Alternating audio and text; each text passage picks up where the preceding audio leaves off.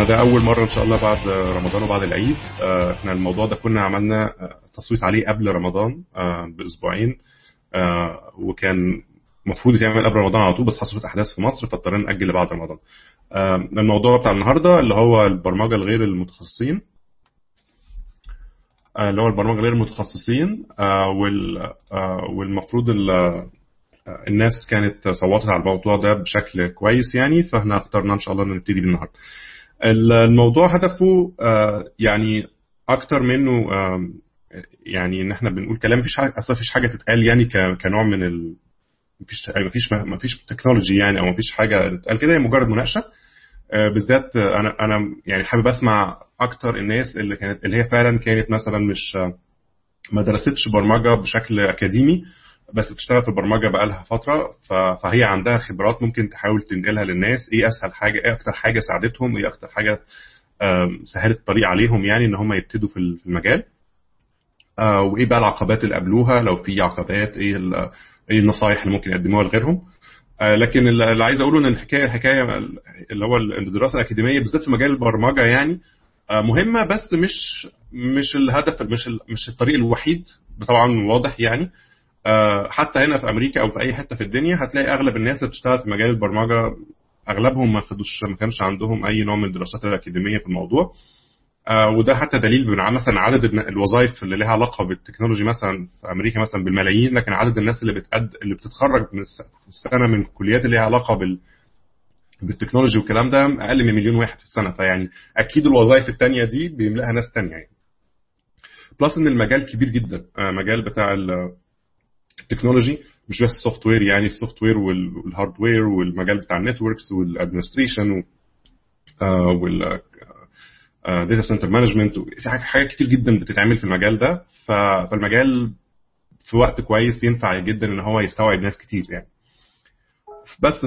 فدي يعني مقدمة سريعة كده عن الهدف من الموضوع. زي ما قلنا إحنا هدفنا إن إحنا نناقش آه، المجال بتاع ال IT عموما وبشكل خاص مجال البرمجة إزاي آه، لو أنت ما عندكش أي نوع من الدراسة الأكاديمية في الموضوع إزاي تحاول إنك أنت تدخل المجال ده بالذات لو أنت عندك يعني بتحب الموضوع بتحب ال technology بتحب ال computers بتحب ال- البرمجة وعايز تخش في الموضوع ده بشكل احترافي يعني عايز تبقى دي ال- ال career بتاعك يعني.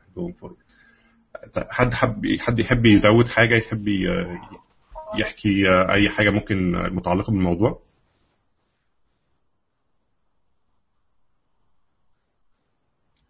مفيش أي نوع من الحاجات طيب أنا شايف محمد السيد دخل أهو كمان ده الناس دخلت أخيرا. فعلى الأقل نحب إن نشوف الناس اللي دخلت. طب anyways آه لحد ما نبتدي الموضوع هو يعني على الأقل من وجهة نظري أنا الخاصة يعني أنا هو أكتر ال- بالذات في مصر يعني أكتر الطرق الناس كانت بتحاول تخش بيها المجال بتاع الت- التكنولوجي آه بعيدا عن الدراسات الأكاديمية يعني. كان في ال- المنح مثلا بتاعت وزارة الاتصالات أو منح بتاعت ال ITI والحاجات دي. آه وكان في طرق بتاعت اللي هو تاخد كورسات professional courses مثلا زي الحاجات بتاعت مايكروسوفت الحاجات بتاعت Cisco والحاجات بتاعت مش عارف IBM والحاجات دي. وفي إن طريقة اللي هو واحد مع نفسه بقى اللي هو بي هو بيقرأ لوحده بيتعلم لوحده بي- بيخش لوحده يعني بنفسه بيجرب. آه، الثلاث طرق كويسين ثلاث طرق ممتازين يعني ما فيهمش مشكلة. آه، أنا شخصيا لو هنصح حد إنه يبتدي هقول له يحاول ي join واحد من الكورسز بتاعت اللي هي وزاره الاتصالات مثلا الحاجات دي زي ITI و MIT والحاجات اللي بالمنظر ده. مش لحاجة غير إن هي آه، مش هتخسرك فلوس بالذات لو أنت qualified ليها يعني لو أنت مثلا تنطبق عليك الشروط يعني. مش يعني مثلا في الطريق اللي هو نظام أنت تروح تشت... تشترك أنت بإيدك في كورسات كورسات غالية لكن في الحالة بتاعت المنح بيبقى اكشن ساعات بيدوك فلوس يعني. آه وبيبقى كمان جو انك انت في في, classroom الناس كلها دخلت بعد عملية فلترة وعملية interviews مش عارف إيه فالناس بتبقى جد جدا آه عايز ياخد الفرصة لآخر حاجة وكده. آه فبيبقى فيها يعني فرصة أحسن إنك انت تتعرف على المجال في, وضع أظرف يعني. plus إن بيبقى آه، يعني بالذات مثلا خريجين حاجات ال IT أو IT بيبقى ليهم فرصة إلى حد ما كويسة بالنسبة لبقية آه، الخريجين بتاعت الحاجات التانية إن هو لما يقدم في وظيفة الناس بتبقى إلى حد ما متقبلة إنها تقعد معاه وتشوف بيقول إيه وساعات بيجي لهم interviews جوه المكان ده على آخر آخر ما أنا كنت أعرف الكلام ده في مصر يعني حوالي خمس سنين. أنا ساعات كنت بروح ITI كده بدي مثلا محاضرة ولا محاضرتين في السنة آه، فكنت بشوف الناس وبقعد بقعد معاهم كنت بحس إن هم يعني شباب كويسين جدا وعايزين يتعلموا وعندهم آه، شغف يعني كده وبيتكلموا وبيحبوا يسألوا كده فأنا يعني عندي انطباع جيد عنهم يعني. واشتغلت مع ناس كتير كانوا خارجين اي تي اي منهم فبالذات اي تي اي يعني اتخرجت اشتغلت مع ناس كتير منهم وكلهم كانوا ممتازين. فأنا شايف إن ده واحد من أحسن ال ال الطرق يعني لو أنت تقدر ت qualify ليها يعني go for it وبرضه حاجات برضه زي MCIT أنا أنا شخصيا قبل كده دخلت ال process بتاعت ال MCIT كنت عايز أشوف بيحصل إيه يعني. دخلت عملت interviews وعملت كل حاجة وكان وكانت لذيذة يعني الدنيا كانت كويسة فيها يعني. آه لكن آه لكن الطريق الثاني هو بتاع انك انت مثلا تروح تقدم في كورس سيسكو أو تروح تقدم في كورس مايكروسوفت أو أو الحاجات دي. أو أو أنت تذاكر مع نفسك وتخش تمتحن. ده برضو مش وحش يعني. آه وبالعكس برضو بتديك فرصة كويسة. هي بس أنا عندي مشكلة شخصية مع ال مع ال مع ال certificates مع ال professional certificates يعني. لأن هي بتبقى بالأسلوب بالذات اللي بتتعمل بيه في مصر إن الناس بقى يعني مع الوقت بينسوا أصلا الهدف من الموضوع بيبقى هدفهم إنهم ياخدوا الشهادة. فبيبتدوا إن هم يدوروا على ال Test Kings بقى whatever الطريقة ويبتدي يحفظ الأسئلة ويخش يجيب الشهادة وكده. آه لكن هو في الآخر كمعلومة كسبها من الموضوع ما بتبقاش 100% يعني مفيدة ما فيش مشروع معين عمله يعني على ما أتذكر مثلا في ITI بيبقى في مشروع بيعملوه فبيبقى في نوع من الخبرة اكتسبوها جوه المكان. لكن آه في الكورسات الثانية دي هو على قد الامتحان يعني. آه فطبعا دي بيبقى عندك knowledge يعني حتى في أحسن الظروف عندك knowledge كويسة بس ال knowledge دي مش متطبقة في شكل عملي يعني. بس still كويس يعني بالذات لو انت واخدها بجد مش داخل حافظ الأسئلة ودخلت امتحان انت داخل مذاكر وعامل حسابك إنك انت بتجرب مع نفسك مش عارف إيه هتاخد منك مجهود زيادة شوية بس هت... هتوصل اللي انت عايزه برضه. على الأقل هتبقى qualified الطريقة الثالثه بقى اللي هي اللي قلتها في الأول هي إنك انت تذاكر بقى مع نفسك كل حاجة مش هتاخد كورسات ولا حاجة انت هتجرب كل حاجة مع نفسك تقرأ تجرب تعمل. ده طريق مش سهل. بس برضو يعني غالبا هتكتسب شوية خبرة بالذات لو انت dedicated يعني لو انت مهتم وتجرب وتروح تعافر وتاخد مثلا internship في شركة تقعد تشتغل شوية تجرب حاجات من هنا لهنا. هتجرب حاجات كتير قوي في السوق. يعني دي برضه يمكن مميزاتها انك انت مش مش هتبقى محصور في ال technology بتاعت حاجة معينة. مثلا أنت قدامك المجال كله وأنت بتنقي أو بتشوف إيه اللي أنت بتحبه أكتر وتخش. يعني أنت ممكن لما تيجي تاخد كورس مثلا تمشي ورا أصحابك مثلا يقول لك تعالوا نخش ناخد كورس سيسكو مثلا تاخده وتكتشف انك انت ما كنتش يعني مش مش مش هاوي networks يعني فاهم؟ اللي هو ما ما حسيتش إنك أنت حاجة استهوتك في الموضوع. غير لما تبقى أنت من بره بتبص على حاجات كتير وتخش تجرب حاجة وتطلع وتجرب حاجة ثانية وتطلع. ده بيديك options أكتر. plus دلوقتي كمان بقى عندك اللي هي ال massive online courses زي حاجات بتاعت كورسيرا و Academic Earth والكلام ده اللي هي بيبقى عندك ال material كمان أونلاين ممكن تقعد تتفرج على ال على حاجات مثلا كورسز كاملة أونلاين بتاعت algorithms مثلا ولا بتاعت data structures ولا بتاعت whatever iOS development اللي أنت عايز تقعد تتفرج عليه وتجربه وتعمل فتبقى لحد ما حتى ممكن تتعوض الجزء بتاع إنك أنت مش مش مفيش حد بيدرس لك يعني still ممكن تلاقي حد بيدرس يعني. فدي دي ثلاث طرق. أكيد في غيرهم أكيد في أكتر. لكن أنا لو هنصح حد إن هو يحاول دايما إن هو ياخد الطريق اللي فيه مجال أكتر إن هو يجرب بإيده وان هو يطبق اللي بي بي بيذاكره. لأن الكلام بتاع ال software ده بيتغير كل يوم يعني. لو أنت الحاجة الوحيدة اللي هتفضل ثابتة معاك هي ال experience إنك أنت اشتغلت شوية شفت إيه الصح وإيه الغلط إيه اللي جربته ونفع وإيه اللي جربته ما نفعش. اتعلمت تتعامل مع فريق اتعلمت تتعامل مع عميل. الحاجات دي برضو هي اللي بتفرق واحد عن التاني يعني. ف يعني كل ما تبقى أسرع في إنك أنت توصل للمرحلة بتاعت إنك أنت اكشلي بتجرب بإيدك ده هيكون أفيد لك يعني. طيب نرجع تاني نحاول نشوف الناس يمكن حد يحب يضيف حاجة أو يسأل حاجة أو يقول حاجة. عليكم. عليكم السلام ورحمة الله وبركاته. ازيك يا باشا كل سنه وأنتم مش عارف أقول إيه بس هو الموضوع أنا مش أنا مش خريج هندسة ومش خريج حاسبات أنا خريج تجارة. الموضوع معايا دي كان هواية أصلا. من أيام تعديل الدستور بتاع حسني مبارك لما عدل المادة 76 ولا 77 كنت دخلت الاستفتاء ولقيت الدنيا كانت خربانه خالص والقوائم متبهدلة والناس مش لاقية أسميها. فقلت إيه ده؟ طب ليه الموضوع ما تعملش بالكمبيوتر يعني؟ آه كنت ساعتها لسه ما دخلتش كلية أو كنت في سنة أولى في الكلية حاجة زي كده يعني. فابتديت أسأل و... و... يعني الفكرة جت إن أنا عايز أعمل حاجة تبقى تبقى يعني. آه، قعدت أذاكر مع نفسي الأول Visual Basic وبعد كده خدت كورس Visual Basic و Access وعملت حاجة كده كان standalone كده حاجة عبيطة كده. وبعدين آه، عرفت بقى إن ده ما ينفعش ولازم حاجة اسمها ويب ودنيا كبيرة قوي عليا. آه، بعد ما اتخرجت من ال- من كلية التجاره آه، كنت بدور على المنحة بتاعت وزارة الاتصالات بتاعت ال ICDL فأنا كنت بدور فيها جالي website آه، دخلت عملت registration فيه وأنا مع أنا فاكر إن هو ده الاي آه لقيت حاجة اسمها web development بال Java. دخلت فيها وقلت يمكن تكون هي دي ال ICDL ما أعرفش إيه هو ال ICDL أصلا. بس دخلت فيها وخدت المنحة وعملت interviews طلعت هي دي المنحة بتاعت ال MCIT اتخرجت منها طبعا المنحة دي فتحت حاجات كتيرة قوي عرفتني حاجات كتيرة قوي أنا ما كنتش ما كنتش أعرفها. آه عجبني المجال جدا لقيت نفسي هاوي المجال ده جدا يعني بشتغل فيه عن هواية يعني يعني م- مش في إن أنا أشتغل الموضوع ده ك professional يعني. آه، ابتديت أعمل شوية حاجات كده اهوت وأنا قاعد في البيت وابتديت أذاكر خدت certificate في ال Java آه، بعديها لقيت في منحة من مايكروسوفت رحت قدمت فيها. آه، خدت ال dot net بالكامل ال- ال web وال stand alone وال Windows application والموبايل وال- بس وبعدين آه، قعدت أدور على شغل هنا في مصر ما لقيتش. أه لحد ما ربنا كرم بعد ثلاث سنين ولقيت آه، ولقيت شغل ودخلت بشتغل في المجال ده بروفيشنال بقالي ثلاث سنين. أه الموضوع كله بتاع ربنا واجتهادك انت يعني.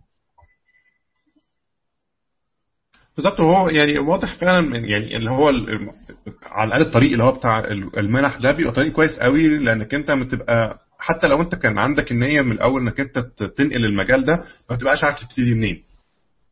لأن المجال زي ما أنا مجال كبير جدا. يعني أنت ممكن تبقى بت... عارف مثلا خمس ست خمسة ستة من أصحابك بيشتغلوا اسمهم في ال IT بس كل واحد منهم بيعمل حاجة تانية مختلفة تماما عن التاني. يعني اللي شغال networks واللي شغال software واللي شغال ويب واللي شغال موبايل وال- واللي واللي شغال database كل واحد شغال حاجة تانية وكل واحد ممكن ياخدك في سكة مختلفة.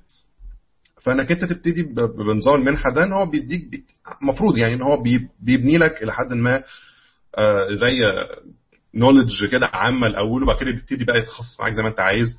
أو أنت بتبتدي بقى تفهم فممكن تشوف إيه اللي ميولك وتخش في الاتجاه اللي أنت عايزه.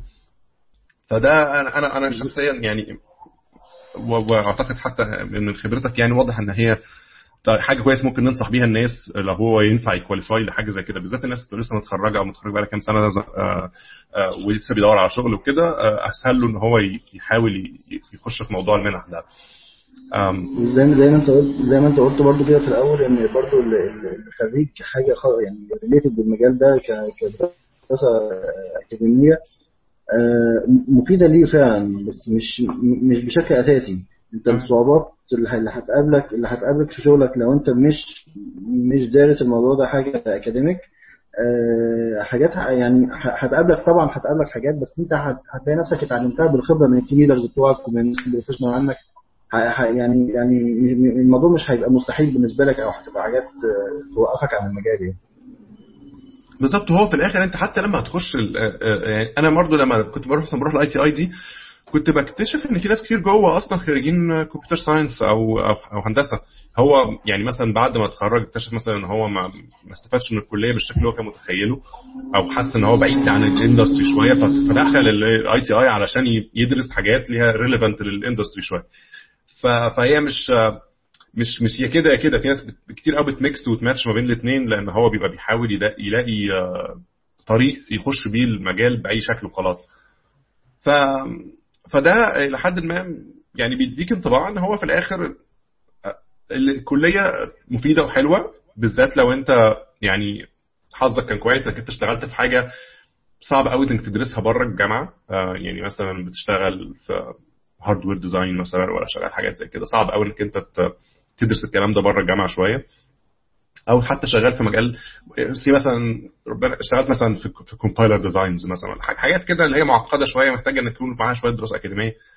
ولو إن ده بيبقى قليل قوي يعني. آه، وأنا شفت ناس أصلا حتى في بره بيشتغلوا في الكلام ده هم ما خرجوش من الجامعات يعني. مش مش الدرجات دي برضه بس هو يعني إيه كل ما الموضوع بقى داخل أكتر في ال computer science شغال في security شغال مش عارف إيه حاجات من المنظر ده. ممكن تكتشف إن آه أحسن طبعا يكون كان معاك آه، آه، حاجة ليها علاقة بالموضوع. ف فهو أهم حاجة إنك أنت يعني القاعدة أو أو الحاجة الوحيدة الثابتة إنك لازم تكون أصلا بتحب المجال ده أو عايز تخش في المجال ده بشكل قوي. لأن يعني هياخد منك مجهود. يعني أنت مش هتبقى النهارده هتقدم مثلا في منحة بكرة هتشتغل. لا هتاخد وقت يعني. المنحه نفسها مثلا بتاع 9 9 10 شهور. آه بعدين آه هتاخد شوية وقت انترفيوينج هنا وهنا وهتلاقي هتقعد تتنقل من كام شغلانة للثانيه هتاخد وقت شوية يعني. آه بس الأهم إنك تصبر والأهم إنك تعرف إن المجال ده مجال كويس. والحمد لله الأيام دي فيه شغل كويس ورزقه كتير الحمد لله. فيعني stick around يعني. اللي هو ما تمشيش ما تقعدش يومين وتمشي تزهق وبتاع. اللي هو ما دام أنت عاجبك المجال خده من باب الهواية وربنا بيرزق يعني. آه والله ما بهرج يعني. أنا عايز أقول لك آه يا معلم والله يا رب ربنا بيرزق يا معلم. أنا كنت فيها الجروب بتاعي كان حوالي 45 واحد. فعلا إحنا اللي اشتغلنا فيه اللي اشتغلنا منهم في مجال IT مع حوالي أربعة أو خمسة. هو أهم حاجة إنك أنت تكون مركز عايز تشتغل فيه. لأن في ناس كتير بتبقى مثلا مع أول فرصة جات له حتى لو بره المجال بتاعه هو خدها وخلاص يعني مش مش هيفكر مرتين. فهو هو في الآخر محدش يقدر يجبر حد إنه يشتغل حاجة ما يحبهاش. يعني لو أنت أصلا مش هدفك أو مش عاجبك المجال خلاص. يعني في ناس كتير جدا أنا أعرفهم قضوا خمس سنين أو أربع يعني أربع خمس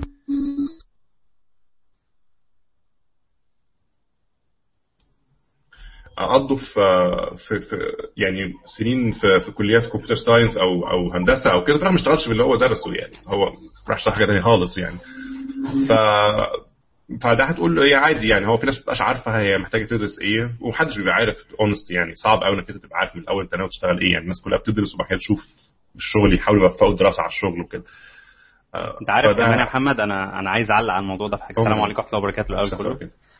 آه في ناس كتير قوي بتبقى داخلة الموضوع دوت من مبدأ ان إن أنا بعد ما اتخرجت من الكلية أنا مش عارف already أنا هبقى إيه مش عارف مستقبلي هيبقى إيه. فلما بلاقي فرصة والفرصة دي كمان extra عليها إنها for free أو باخد مثلا مبلغ ولو حتى رمزي 500 600 جنيه في الشهر بقول why not بقول طب ما تعالى join واشوف الدنيا لو مشيت وربنا رزق زي ما أنت قلت يبقى خير وبركة. لو ما مشيتش خلاص. فده اللي بيخلي مثلا زي ما الباشمهندس اللي كان بيتكلم من شوية على حتة أنا كان معايا 45 واحد وفي الآخر اشتغلوا أربعة بس. أنا برضو أنا أنا أنا كنت خدت برضو منحة من من ال MCIT الفكرة إن احنا كنا حوالي فعلا 60 واحد في 2 or 3 classes مثلا ما اشتغلش مننا بعد كده إلا 10 12 فالنسبة الرهيبة دي أنا واثق إن بيبقى السبب الرئيسي فيها اولا الناس اللي داخلة وهي already مش interested في الموضوع بس هو داخل يشوف الموضوع يلا باي لك كده لو جت جت ما جاتش ما جاتش النقطة الثانية والأهم اللي هو بعد ما خلص ولقى نفسه لسه مش mature enough إن هو يدخل السوق ما عملش ال extra mile بقى اللي هي حتة إن هو يذاكر حاجة شخصية هو يروح يا سيدي خش trainee أي حتة بغض النظر عن الفلوس اللي ممكن تاخدها في الأول وتعلم الأول خد experience في السوق. النقطة دي في ناس كتيرة جدا بتغفل عنها وبالتالي هو بيلاقي نفسه خلص course ومش عارف يعمل إيه ومش عارف يشتغل developer والناس عمالة تمشي حواليه يمين وشمال وهو مشتت مش عارف يعمل إيه. آه بس فدي فدي نقطة برضو مهمة جدا في الموضوع دوت فكرة إن أنت فعلا زي ما محمد حسام كان بيتكلم من شوية إن أنت لازم تثابر على الموضوع لازم هتشتغل. no ان انت هتقعد شهر شهرين تلاقي نفسك بقيت developer no ان انت even هتقعد سنة هتلاقي نفسك بقيت professional developer لا الموضوع بياخد سنين وبياخد effort كتير جدا. وفعلا اللغات بتروح وتيجي ال technologies بتروح وتيجي اللي بيبقى معاك ال experience وال وال والحاجات اللي انت already اشتغلت فيها. فعلا برضه يعني أي حد موجود سامعني وناوي يدخل MCIT أو أو already دخل فيها ال MC ال MCIT بس ما أعتقدش إن هي هتخليك qualified للسوق انت بعديها لازم انت أنا قعدت قعدت أنا قعدت بعد ما اتخرجت من MCIT حوالي سنتين ونص. قاعد بذاكر وكمان كنت أنا Java يعني Java مش مش سهله مش زي. ال .NET لما يعني. بقى ال debate ده عشان بص أنا معايا كلابظات هنخش لبعض ملاكمة. أنا بعد من بعد ال MCIT one course .NET يعني هايل بس مش زي ال Java أنا أنا بالنسبة لي لقيت نفسي هاوي Java بصراحة. بس عشان ما يدخلش فعلا في ال track ده ال MCIT بس يعني لوحدها مش هتخليك qualified للسوق لازم بعديها انت لازم هتذاكر ولازم تبذل انت مجهود من نفسك. وانت عارف أنا احب برضو ان أنا اعمم الامر ان أنا في ناس كتيرة جدا مثلا لما تيجي تقول لي أنا عايز أبقى developer مثلا أو إيه ال courseات اللي أنا آخدها أنا بحاول أشيل اولا من دماغه فكرة إن أنت صفر هتاخد course تبقى 100% الكلام ده ما بيحصلش. مفيش حاجة اسمها كده أصلا في الدنيا. في حاجة اسمها إن أنت بتاخد course يحطك على أول step بس. أول step دي أنت بعد كده اللي بتحدد ال path بتاعك. ما ينفعش أي حد تاني ي lead ك أنت ممكن تاخد من حد فكرة تاخد من حد technology إن أنا أحاول أتعلمها. لكن الشخص اللي فعلا هيتعلم هو الشخص اللي هو ال ال ال يعني اللي مطلوب إن هو يتعلم لنفسه مش حد تاني. في حاجة كمان ممكن برضه على كلامك. لو في حد كان يعني بيفكر إن هو ياخد يتعلم أكتر من لغة على أساس إن ده هيفتح له مجال وجهه نظري أنا شايف إن هو هيبقى غلطان. يعني أنت ركز في لغة واحدة اتعلم فيها كتير افهم منها ال concepts بتاعك سواء هيبقى مثلا Windows application أو أو web application هتلاقي نفسك أنت بعد كده لما تبقى فاهم ال concept بتاع الويب مثلا هيبقى هيبقى سهل بعد كده إن أنت تشتغل حاجات حاجات ثانية أنت فاهم ال concept هتبقى على ال .NET مثلا تبقى عايز مثلا بال PHP عايز أحط attribute في session هروح أدور بس دي هتتحط إزاي هاخد الكود بتاعها كده هتلاقي بعد كده هتبتدي تفهم اللغات الثانية كده. إنما لو حد حاطط في دماغه إن هو يتعلم أكتر من لغة إن ده هيفتح له مجال في السوق من وجهة نظري أنا شايف إن هو حاجة غلط. هو في الآخر إنك أنت تتعلم أكتر من لغة دي حاجة يعني راجعة لميولك أنت يعني. في ناس بتاخد إن هو يتعلم لغات كتير ده هو بيحب كده فهو شايف ان ده كويس وده وفي الآخر كل لغة هتعلمك حاجة مختلفة عن الثانية يعني كل حاجة هتديك حتة زيادة. لو أنت من النوع بقى اللي هو يعني إيه فيري نيردي وجيكي في موضوع اللغات ده هتقعد بقى تعرف الفروق مش عارف إيه أو أهم حاجة إنك أنت تبقى fulfilled يعني. يعني إن يعني أنت ممكن تاخد language واحدة وتمسكها وتقعد تشتغل بيها على طول بس أنت حاسس إنك أنت بقى زهقت فأنت بتحاول تغير. فده حاجة طبيعية يعني مش مش مشكلة يعني. هو مش لا أنا بتكلم في اتفضل. لا لا اتفضل. لا أنا بتكلم في الناس اللي بيبتدي يعني الناس لسه مخ...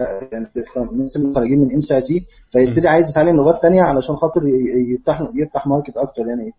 طبعا أنا شايف إن في المرحلة دي هو بالنسبة هو بص هو depends على أنت قررت تركز على إيه. يعني لو أنت let's إنك أنت اخذت المنحة مثلا أو حتى ما خدتش منحة let's إنك أنت من الأول آه مثلا آه حسيت انك انت عايز تشتغل مثلا في ال mobile development حاجات ليها علاقة مثلا بما إنك أنا شايف الناس بتشتغل بالتليفونات بقى Android ومش عارف إيه وبتاع. فالمجال ده في حد ذاته حي... إلى حد ما هيدفعك إنك أنت تتعلم أكتر من حاجة. لأنك أنت عندك أكتر من popular platform يعني مثلا عندك ال Android وعندك ال iOS فعلى الأقل الاثنين دول محتاج تعرف إزاي تشتغل عليهم.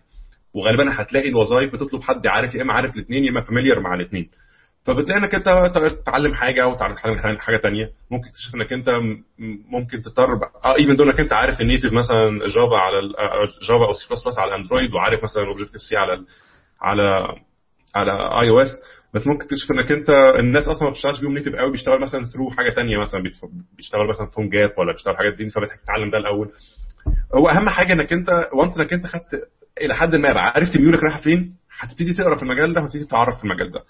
برضه لو انت شغال ويب ما ينفعش برضه في الويب انك تشتغل بلغة واحدة. سيبك من ال back end server يعني آه Java أو أو .NET ماشي بس في نفس الوقت محتاج يكون عندك مثلا آه آه على الأقل عارف JavaScript عارف HTML عارف CSS في منهم يعني مثلا اتش تي ام ال سي اس ما اعتبروش لغات قوي بس في الآخر محتاج تعرفهم.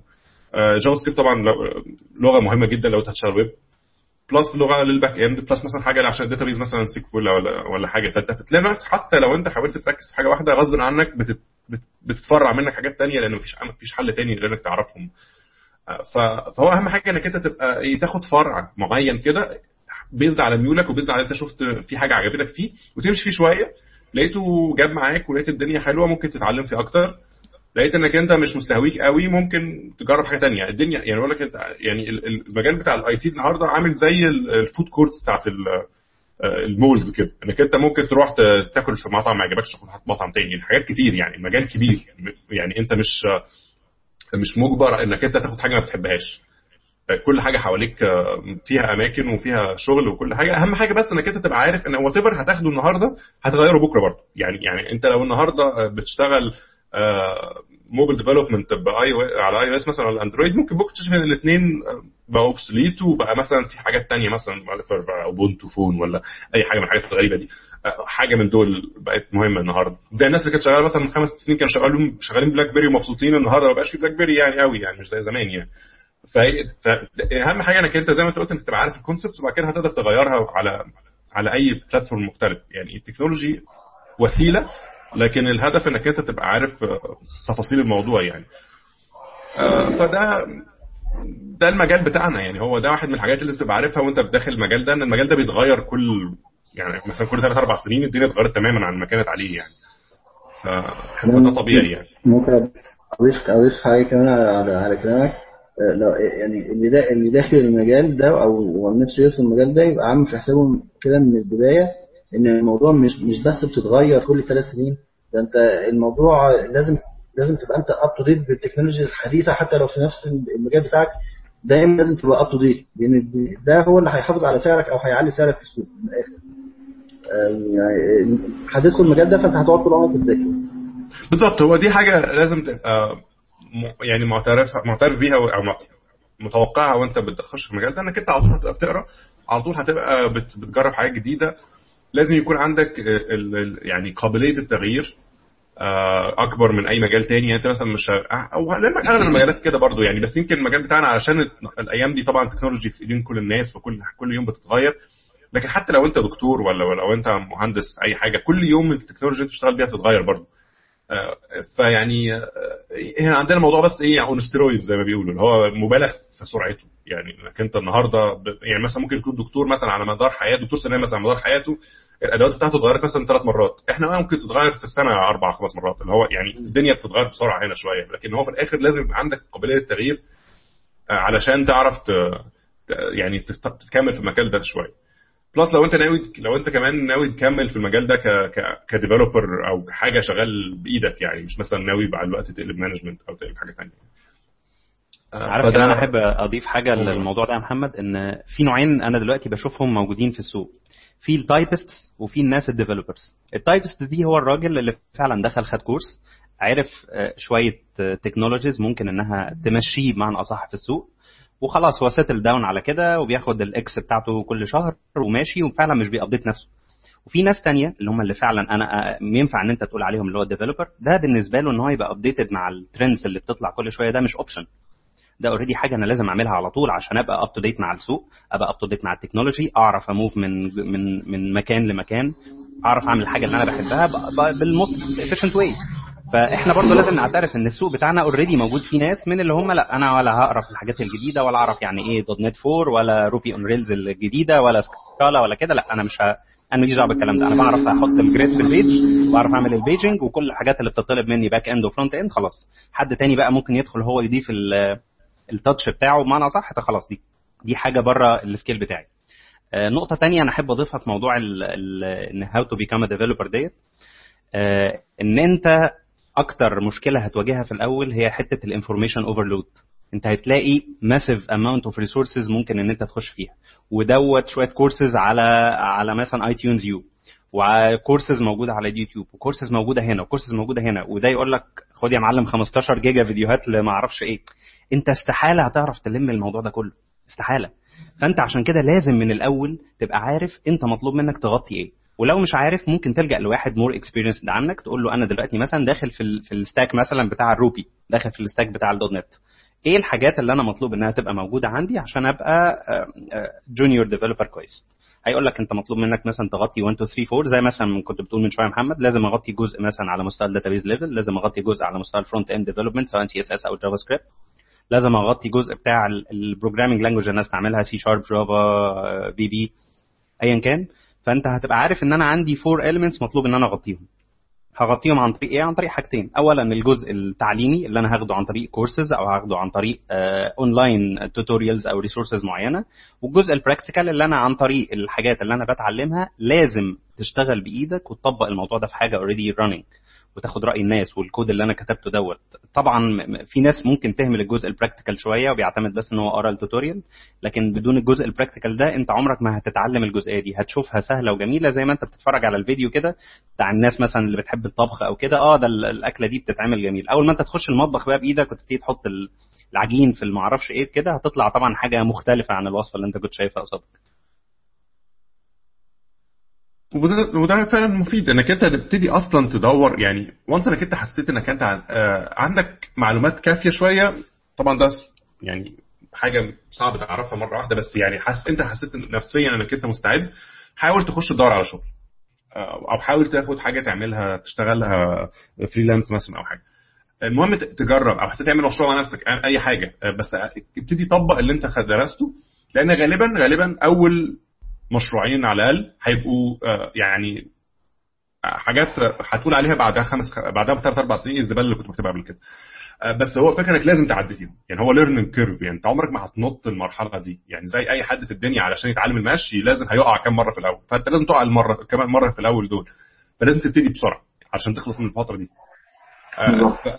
فانت حاول انك انت وانس انك انت بقى عندك شوية معلومات على الأقل خدت شوية confidence كده في نفسك انك انت تقدر تخش حاول تخش ال inter... حاول تخش interview وكذا واحدة يعني جرب يعني عدي في كذا واحدة ولغاية ما تلاقي حاجة وحاول وتبقى برضه من الأول outright مع اللي بيكلمك يعني لو انت داخل interview ما تبقاش عامل حسابك داخل تقول له ما تحاولش تخش اللي هو نظام أنا أنا اللي عارف كل حاجة أنا اللي فاهم كل حاجة أنت مش عارف كل حاجة مش عارف حاجة خالص أنت لسه بتقول يا هادي. فياريت في الأول تبقى واضح إنك أنت أنا أنا عايز مثلا شغلانة عايز أبقى internship مثلا أو عايز very junior developer أنا أنا جاي أتعلم. يعني اللي هو أول شغلانة دي ما تبقاش متوقع قوي إنك أنت هتكسب فلوس كبيرة في الموضوع. يعني لو تقدر إنك أنت تشتغل على قد مصاريفك يبقى خير مش مشكلة. أول شغلانة دي مثلا تلاقي أول ست شهور أو أول سنة.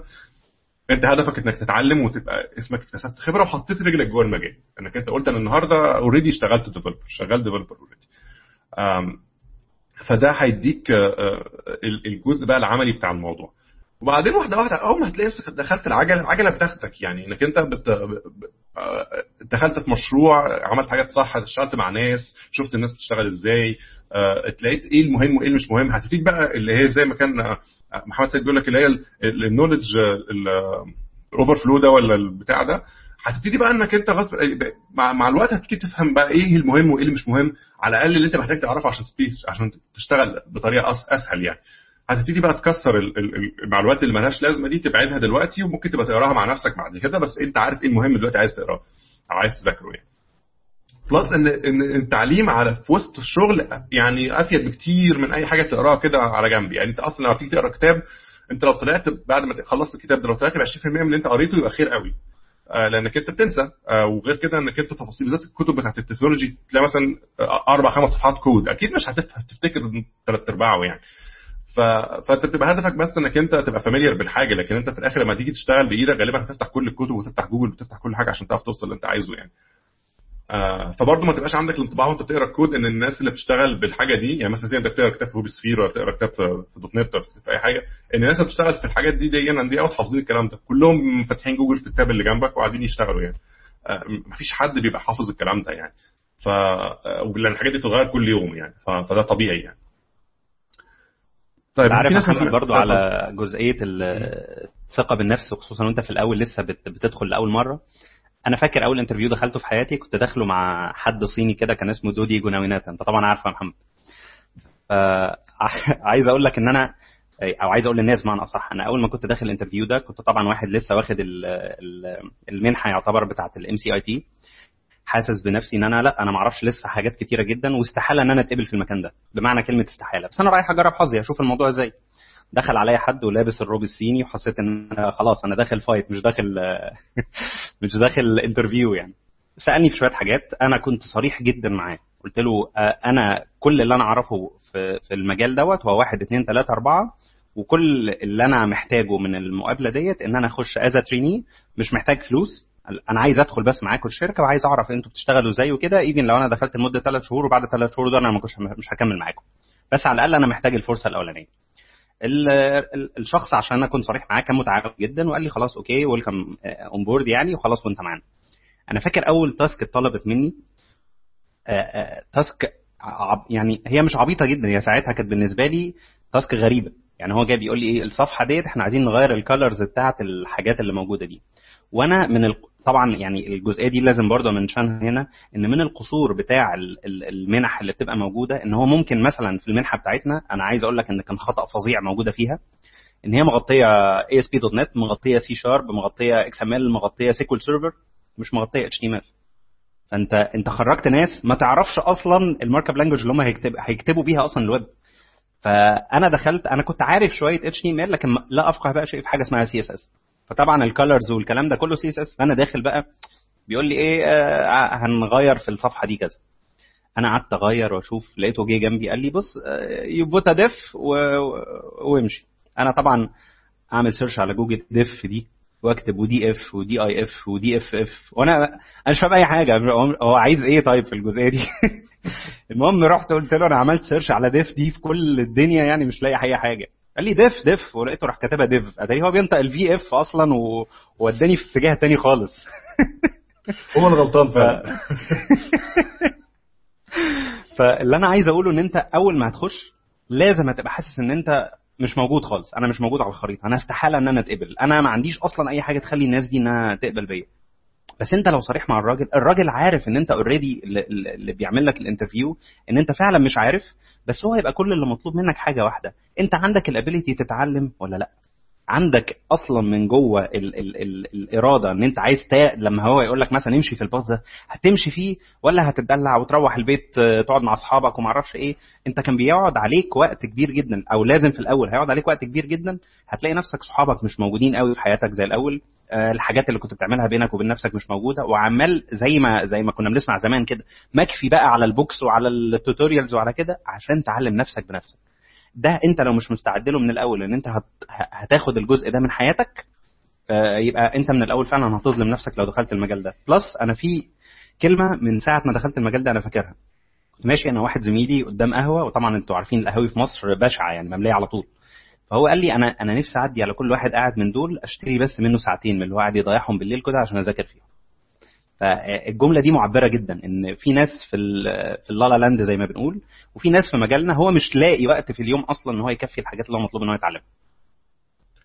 تمام ممكن بس في حد بيسأل سؤال شنودة سمير كان بيسأل بيقول هو إيه الهدف من ال conference هو هو مبدئيا مش conference يعني إحنا بنتكلم مع بعض يعني كنوع من ال hangout يعني قاعدين مع بعض نتكلم. هدفنا إن إحنا بنحاول نساعد أي حد عايز يخش مجال البرمجة وهو مش أكاديمي أو ما جاتلوش فرصة إن هو يدرس دراسة أكاديمية إزاي يخش المجال بتاع البرمجة. فهو في الآخر مش course. يعني هو إحنا بنتكلم في مبدأ بنتبادل الخبرات. يعني حاجة من الحاجات اللي مش موجودة قوي في المجال بتاعنا للأسف في مصر إن إحنا ما عندناش user groups الناس ما فيش عندها مساحة أو أو مكان إن هم يتبادلوا خبراتهم مع بعض لأن ده أكتر أي career في الدنيا. فيش فيش مجال في الدنيا ما فيهوش في نقطة تبادل الخبرات دي لأن ده ده جزء كبير من النمو بتاع الصناعة في أي حتة في الدنيا. يعني في أي مجال ده ده, ده, ده برضه تسمح لي مستر محمد؟ طيب. وأنا طبعا سعيد جدا جدا جدا إن أنا بشارك حضراتكم في في اللقاء. مش عارف أقول ال course ولا اللقاء ولا هو مش course هو مجرد قعدة يعني زي hangout اسمها كلمة hangout يعني حقيقة يعني أنا مبسوط جدا جدا جدا فعلا بحاجة زي كده لأن أنا كنت بحاول أدور على حاجة على فكرة زي كده إن حاجة تبقى حد يبسط لي. أنا أنا يعني أنا بحب جدا جدا التكنولوجيا وال وال وال, وال وعموما والبرمجة عموما بس للأسف الشديد بواجه مشكلة إن أنا يعني زيرو في الموضوع ده يعني. فكنت بحاول إن أنا أدور على حد زي كده يعني أو حاجة زي كده حد يديني أو يعرفني. بس أنا يعني من ساعة ما دخلت أنا طبعا بحترم جدا جدا يعني ما أقصدش حاجة ما أقصدش بالكلام اللي أنا كتبته إن أنا إهانة لل group أو حاجة لا بالعكس. بس كنت بحاول أعرف يعني أنا لقيت كل واحد بيقول تجربته. هل إحنا في حاجة هندخل بعد كده على البرمجة عموما وهنتكلم في حاجة technical بعد كده ولا هيبقى just إن هو بيبقى لقاء كل واحد هيقول؟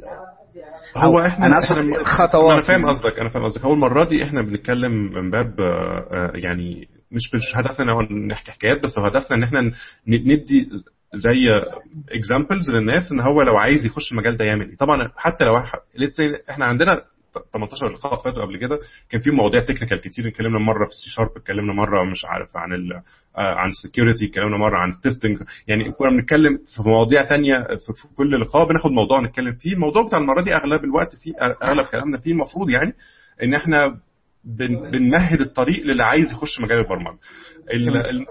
الموضوع يعني ساعة ما ابتدينا قلنا الطرق اللي إحنا اللي إحنا شخصيا أغلب الناس اللي جربتها أو الناس شافتها مؤثرة إنك أنت مثلا لو أنت زي ما بتقول مثلا مجال المجال بالنسبة لك لسه جديد مش عارف فيه حاجة حاول إنك أنت يا إما تقدم مثلا في منحة لو أنت تقدر ت qualify ليها حاول إنك أنت تاخد كورسات لو أنت حاسس إن الموضوع ده أسهل لك أو أو حاول تقرأ لوحدك.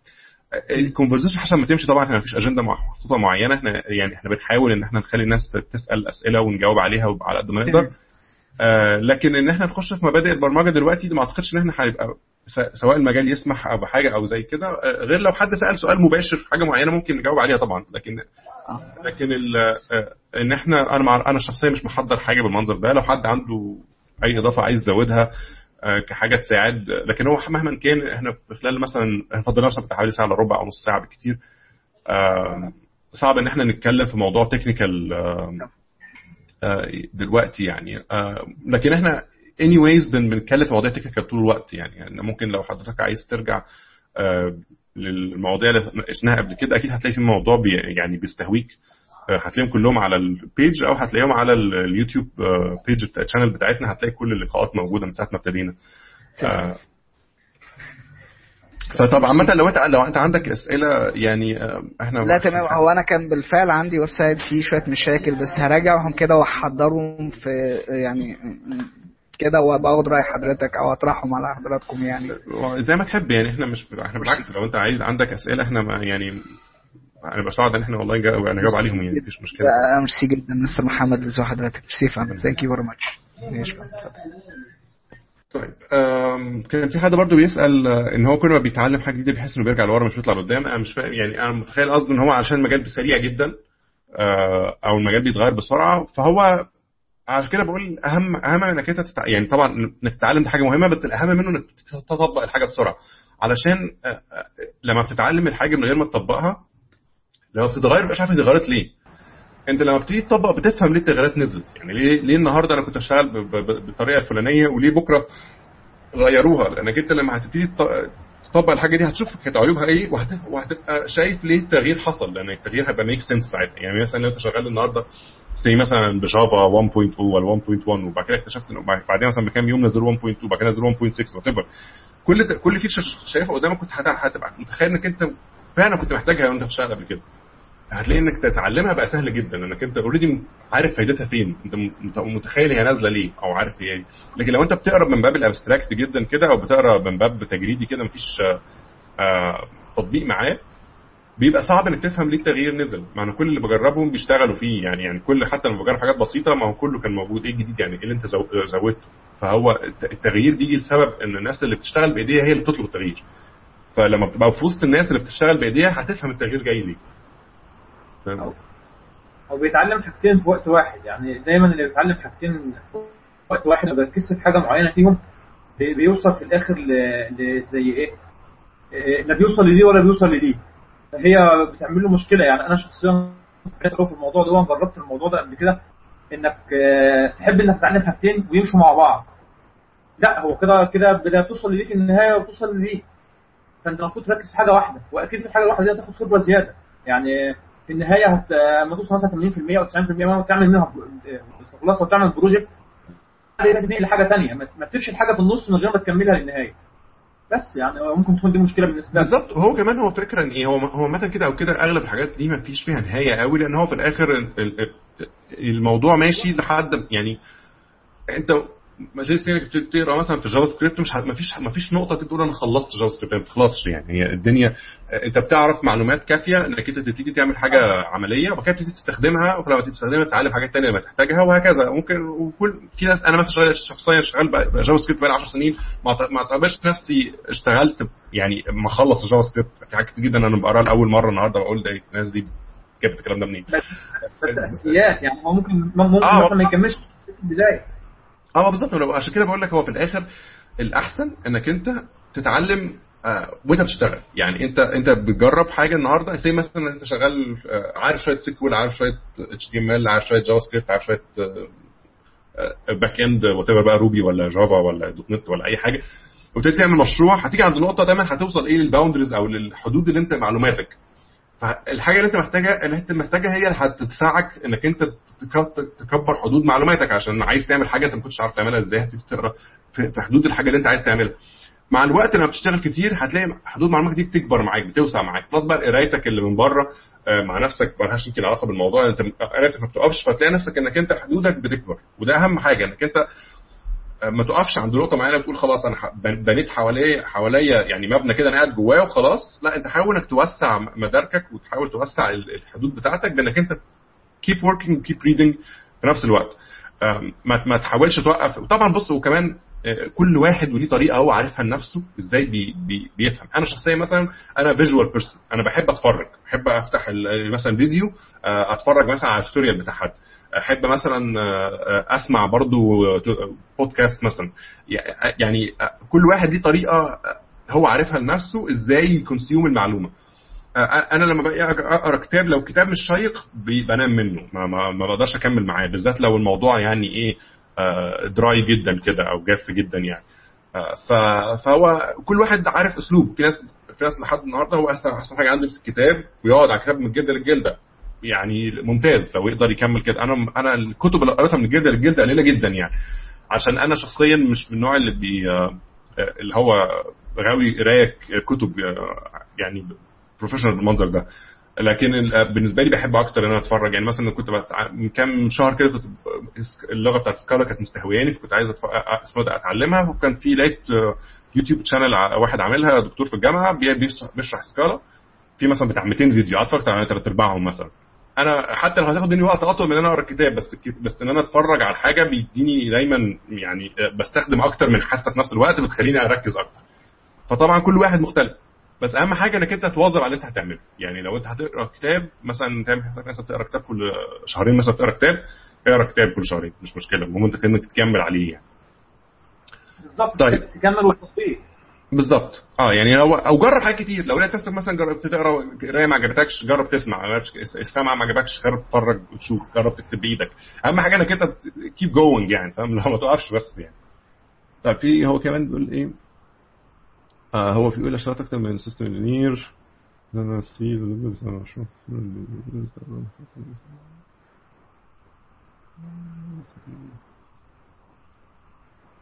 هو هو بص بالنسبة لموضوع system administration و system engineering والكلام ده ده اللي أنا فاهمه. embedded system engineer آه عايز تشتغل embedded systems هو في شركات في مصر كتير embedded systems حاول إنك أنت لو حاولت يعني حاول على الأقل تاخد نوع من ال يا إما يا إما أنت شخصيا تشتغل interns تخش internship فيها أو تبتدي تشتغل فيها أو حاول تتعرف على حد شغال فيها يبقى mentor ليك يساعدك.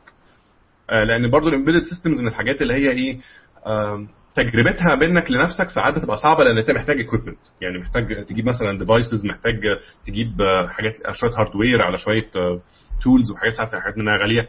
فبتبقى محتاج حد يساعدك. آه فأعتقد إن يبقى ليهم user groups برضه بتاعتهم وكده في طبعا شركات كتير في مصر في Mentor Graphics في Valeo في آه فاكر في شركة اسمها SysDSoft SysDSoft في مصر مش عارف قفلت ولا ولا اشتريت اشتريتها Intel باين المهم يعني في في شركات كتير في مصر في المجال ده.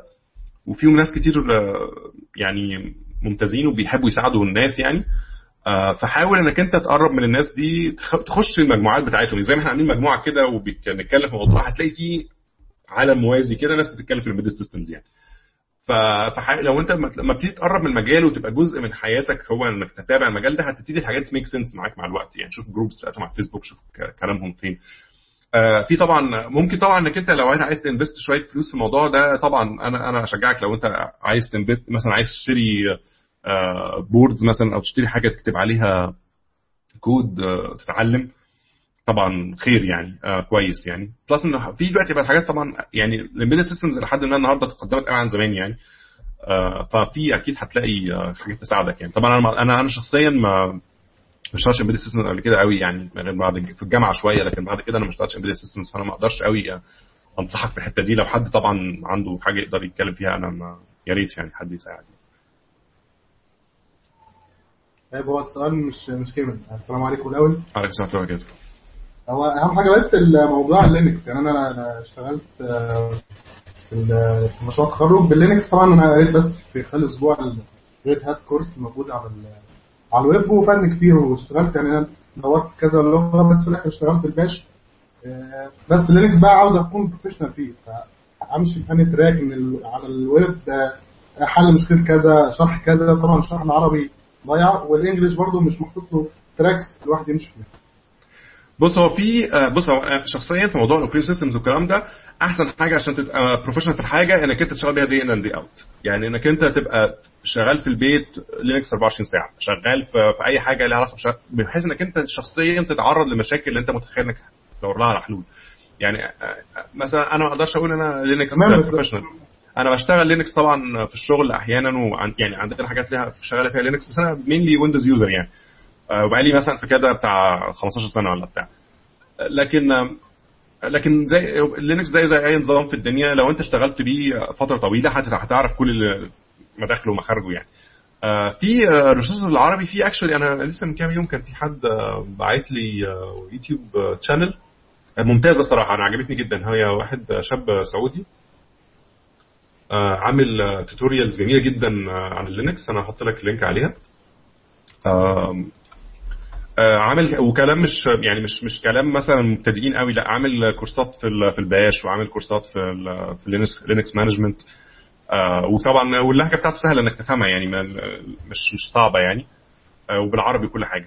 فممكن تتابع تتابعه. أنا أنا عشان أقول لك تاني لأن أنا بحب أسمع وبحب أتفرج. فبالنسبة لي إن أنا دايما أتعلم حاجة بدور على أي حد بيتكلم في في الحاجة دي أتفرج عليه يعني. وده سبب من الأسباب اللي إحنا عملنا ال Hangouts يعني لأن أنا أصلا من النوع اللي بحب الحاجات دي يعني. ف فده ده, ده أنا حاطط link عنها في الشات يعني لو أنت عايز تتابعه. هو أنا أنا أنا سمعت له الفيديوهات الخاصة بال Bash فطبعا هو بيشرح ما فيش projects كتيرة فالموضوع مش واضح. ما طبعا هو بيشرح مبادئ يعني هو في الآخر مهما كان عمره ما هيخش يديك project يعني بس هو بيشرح مبادئ.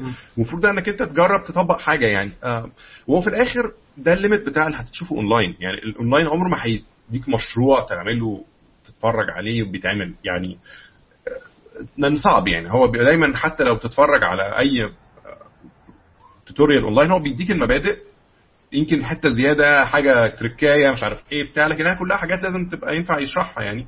ال experience ما حدش بيقدر يعني عمرك ما هتاخد experience بالقراية أو بالمشاهدة. ال experience لازم تشتغل. فهو ده ده الفكرة إنك بتاخد ال knowledge اللي هي بقى اللي بتقراها دي سواء بتقراها وبتتفرج عليها دي knowledge بعد كده تطبقها بقى عشان تحولها experience فكل اللي هتشوفه اونلاين أو هتقراه ده كله knowledge بس يعني. فإنك أنت بقى تشوف بيتكلم عن مشروع كبير ده experience لازم تجرب إنك أنت تشتغل في الكلام ده فعلا. يعني إما تروح بقى تقدم في شغل أو تروح تشتغل أو حد يديك مثلا حاجة تعملها أو بتاع. ده ده اللي أنا أقدر انصح بيه يعني لكن أنا ما أعرفش الصراحة إذا كان ده اللي أنت بتدور عليه فعلا ولا لأ. طيب طيب معلش سؤال تاني ك... بالنسبة لل يعني أنا اشتغلت بالباش والباش طبعا فيها فيها ووردز يعني فظيعة زي الكات والجريب والحاجات دي. طبعا بتوفر كتير. أنا إيه اللي خليني اشتغل ب, ب... أنا ما اشتغلش بال اللي خليني اشتغل في ناس بتشتغل بال C و low level language ما تشتغلش بالباش ال Bash الباش سكريبت في الآخر الباش يعني هيساعدك تعمل automation يعني مثلا أنت مش بتعمل application يعني مثلا أنا لو عايز أكتب برنامج بيعمل حاجة بس عايز أعمل مثلا حاجة أبسط حاجة عايز أعمل Notepad مثلا حاجة زي ال Notepad مثلا على Linux مش هعملها بال Bash يعني.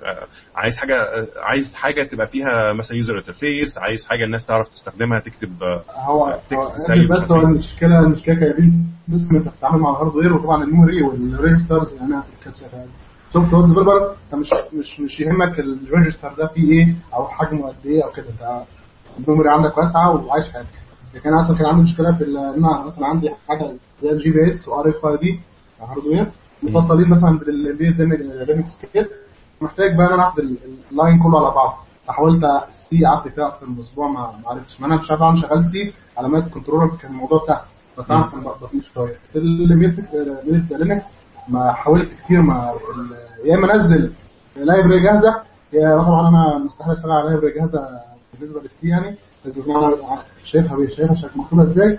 فلقيت كويس يعني. هو الب... لو لو ال Bash هي أنا أنا بقول لك أنا شخصيا ما اشتغلتش ال embedded systems فما أعرفش يعني حدود ال Bash إيه في ال embedded systems مقارنة بال C بس لو هو بيعمل لك اللي انت عايز تعمله هو في الهدف ده في الآخر هدف البرمجة. يعني البرمجة هدفها في الآخر إنك تعمل حاجة معينة يعني. يعني هي هي في حد ذاتها مش هدف. يعني أنت بتعمل حاجة سواء مثلا بت بت بت بتعمل عملتها إزاي؟ مش مشكلة. عملتها إزاي؟ ده الهدف الثاني الهدف الأولاني إنك تعملها أصلا. okay؟ الهدف اللي بعديه إنك تعملها بطريقة كويسة يعني. يعني عشان عشان بقى إيه long term plans بتاعت الحاجة دي. يعني لو أنت مثلا ممكن تعمل تعمل مشروع بطريقة تخليه يتعمل بس بعد كده مستحيل حد يغيره بعديك لأن مثلا كتبته بطريقة صعبة خليت خليت ال management بتاعته مستحيلة بقى في مشاكل منه مش عارف إيه. دي مشكلة. لكن إنك أنت ما تعملوش أصلا علشان بتحاول تعمل حاجة بطريقة نظيفة فما توصلش للهدف أساسا يبقى ما عملناش حاجة. يعني الهدف أهم من أي حاجة إنك توصل اللي أنت عايز تعمله وإنك توصله بطريقة ال experience بقى اللي تخليك تعمل الاثنين دول مع بعض. إنك توصل اللي أنت عايز تعمله وتوصل وتوصله بطريقة كويسة. okay؟ فعشان في جزء كبير جدا من إنك تعرف الطريقة كويسة إنك تجرب الطريقة الوحشة. إنك أنت تجرب أول توصل بطريقة ما عجبتكش فتبقى عارف ليه ما عجبتكش فتبتدي إنك أنت تجرب طريقة حتى لو شايفها أطول بس هتوصلك بطريقة نظيفة يعني. آه فهي trial and error في حاجات كتير يعني صعب قوي إنك أنت من أول مرة توصل للطريقة الصح يعني. آه يعني حتى لو أنت ماشي على كلام ناس بتقوله لك ممكن ما تبقاش عشان مش فاهم ليه هم بيمشوا بالطريقة دي برضه تقع في نفس الغلطات يعني. مش آه مش مش آه مش بالظبط آه يعني مش مش سهل قوي إنك أنت تبقى دايما بتمشي على الطريق الصح 100% يعني. فأهم حاجة إنك توصل اللي أنت عايز تعمله تعمل اللي أنت عايزه. البرنامج بتاعك تشتغله الايميل سيستم بتاعك تديزاينه وتكتبه كل ده وتكتبه مرة كتبته سواء بال Bash بقى كتبته بأي حاجة. ممكن يكون الشغل بتاع ال Bash مش وحش يعني ما هو ممكن تكون طريقه صح مش أزمة يعني. ممكن اللي بيشتغل بال C بس يبقى هو بيحب ال C يعني مش مش قضية يعني. ف لو انت عايز لو انت شايف إن ال C ليها شغل أكتر في ال embedded systems أو ليها مستقبل أكتر اتعلمها طبعا. أنا مش هقول لك بالعكس أنا بحب أنا شخصيا كنت لما كنت أول ما اشتغلت أو أو في الجامعة كنت بشتغل C كنت بحبها جدا يعني. آه فما فيهاش مشكلة يعني. أنا شايف أبسط حتى من سي بلس بلس يعني. أنا أنا أنا شخصيا بحب ال C أكتر من سي بلس بلس طب محمد بالنسبة لل يعني للموضوع اللي كنا بنتكلم فيه أصلا في المقام الأول اللي هو how to become a programmer يعني كده إيه رأيك نتكلم عن أنواع ال developers أو إيه أو إيه إيه هي التصنيفات اللي إحنا ممكن نقول عليها ده developer X و Y وزي طب خش ابتدي. طيب أنا ما عنديش مشاكل. أنا هخش ماشي. مثلا يعني من الأنواع اللي إحنا ممكن نلاقيها من ال developers مثلا إن أنت تبقى web developer web developer ده ده واحد بيبقى هدفه في الحياة إن هو بي build websites أو بي build solutions بتشتغل على الإنترنت. وبتبقى طبعا accessible بالنسبة للناس سواء كانت ده عبارة عن website أو web services أو API مثلا الناس هت هت integrate معاها. وممكن حتى جوه ال web developer ده نعمل كمان تصنيف تاني جوه. ممكن إن أنا أقول للراجل ده front end developer front end developer ده ده واحد بيبقى هدفه في الحياة للناس مثلا اللي ما تعرفش. واحد بيبقى هدفه في الحياة إن هو ال interactivity ما بين ال users وما بين ال application بتاعك هو اللي بيبقى مسؤول عنها. يعني مثلا ال controls اللي هتبقى موجودة على ال page أو ال layout اللي هيبقى في ال page أو إن ال page دي ت scale مثلا على ال devices بتاعتك بشكل مناسب تعاملك معاها نفسه يبقى كويس. ده مثلا بتبقى اختصاص ال front end developer ده واحد بيبقى متخصص جدا في جزئية ال JavaScript وفي جزئية ال controls وال layouts وكده وبيقدر إن هو عن طريق ال application اللي هو already built يعني إن هو يقدر ي adapt الموضوع دوت لل, لل, لل, يعني لأنواع ال users اللي هو متوقع إن هم يدخلوا مثلا عنده على ال solution بتاعه. ممكن حد تاني إحنا نقدر نقول عليه ال back end user ال back end sorry ال back end developer يعني. ال back end developer ده آه واحد بيبقى برضه هدفه إن هو بي build ال infrastructure بتاعت ال application هو اللي بي build الجزء اللي بيتكلم على ال database هو اللي بي build ال logic بتاع ال application بتاعه بيقول ال roles وال responsibilities بتاعت كل جزئية في ال system هي بتبقى مسؤولة عن إيه. وهو اللي بيقدر ي expose الموضوع ده بعد كده لو معاه طبعا حد dedicated بس لل front end إن هو ي expose الأجزاء اللي ال front end developer هي مثلا هي build عليها. طبعا في في, في الواقع الفعلي اللي إحنا بنلاقيه عندنا في السوق مفيش حاجة اسمها أنا أنا أنا back end developer بس وفي حد front end developer بس إلا بصراحة في ال في, ال في ال firms المحترمة أو في الأماكن اللي هي ممكن تكون عندها already ال specialization دوت متوزع ما بين الناس. لكن لو إحنا مثلا هنتكلم فعليا عن السوق المصري أنا أغلب الوقت اللي بشوفه قصادي إن أنا بيبقى already حد هو بيقدر ياخد ال stack من أوله لآخره starting حتى من ال database design لحد من إن أنا بحط ال database وببني ال structure بتاعتها وال schema بتاعتها وأنا اللي بحط ال back end وأنا اللي بعد كده ببني فوقيها ال front end طبعا بمساعدة ال designer أو كده. فبالتالي أنت ك developer ممكن بتغطي ال stack كله. يعني اللي إحنا مثلا اتكلمنا عليه دلوقتي سواء front end أو back end أنت already لازم تبقى مخصص نفسك إن أنت هتبقى عارف جزئية من هنا وجزئية من هنا. الاثنين دول هم اللي هيقوموك إن أنت تبقى so called يعني web developer النوع الثاني اللي ممكن نتكلم عنه إن أنت تبقى mobile developer مين ال mobile developer ده؟ ده راجل بي target ال mobile platforms الموجودة زي ال iOS زي ال Android زي ال Windows Phone زي ال BlackBerry آه هو بيبقى شخص بي build ال applications ديت سواء native apps أو حتى HTML 5 apps هتشتغل على ال devices دي بس في الغالب يعني اللي أنا أقصده ب mobile developer ده هو الناس اللي بتشتغل native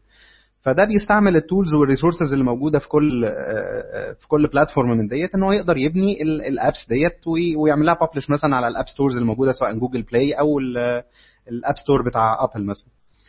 نوع ثالث من ال developers ال desktop developers وده طبعا يعني بينقرض بمرور الأيام يعني إن كل حاجة بتتجه للويب يعني بس still لسه في برضه ناس ممكن تعمل لحد دلوقتي solutions تبقى ال solutions دي تشتغل natively على ال PCs مثلا ويبقى هو ده مثلا دوت برنامج الحسابات. أغلب الناس مثلا عندها برامج حسابات في الشركات عندها وكده. تبقى desktop apps أو ال cashiers مثلا وال stores بتبقى عندها ال applications دي كلها بتبقى desktop لأن هو مش مطلوب منه إنه يروح يعمل round trips ولا يروح ويجي. لأ ده مثلا حاجة أنا بعدي مثلا على السكانر مثلا ال items اللي أنت بتشتريها أو كده. فبالتالي أنا بعمل لك solution بيشتغل على ال machine locally مش محتاج إن أنا interact مع حاجة تاني بره.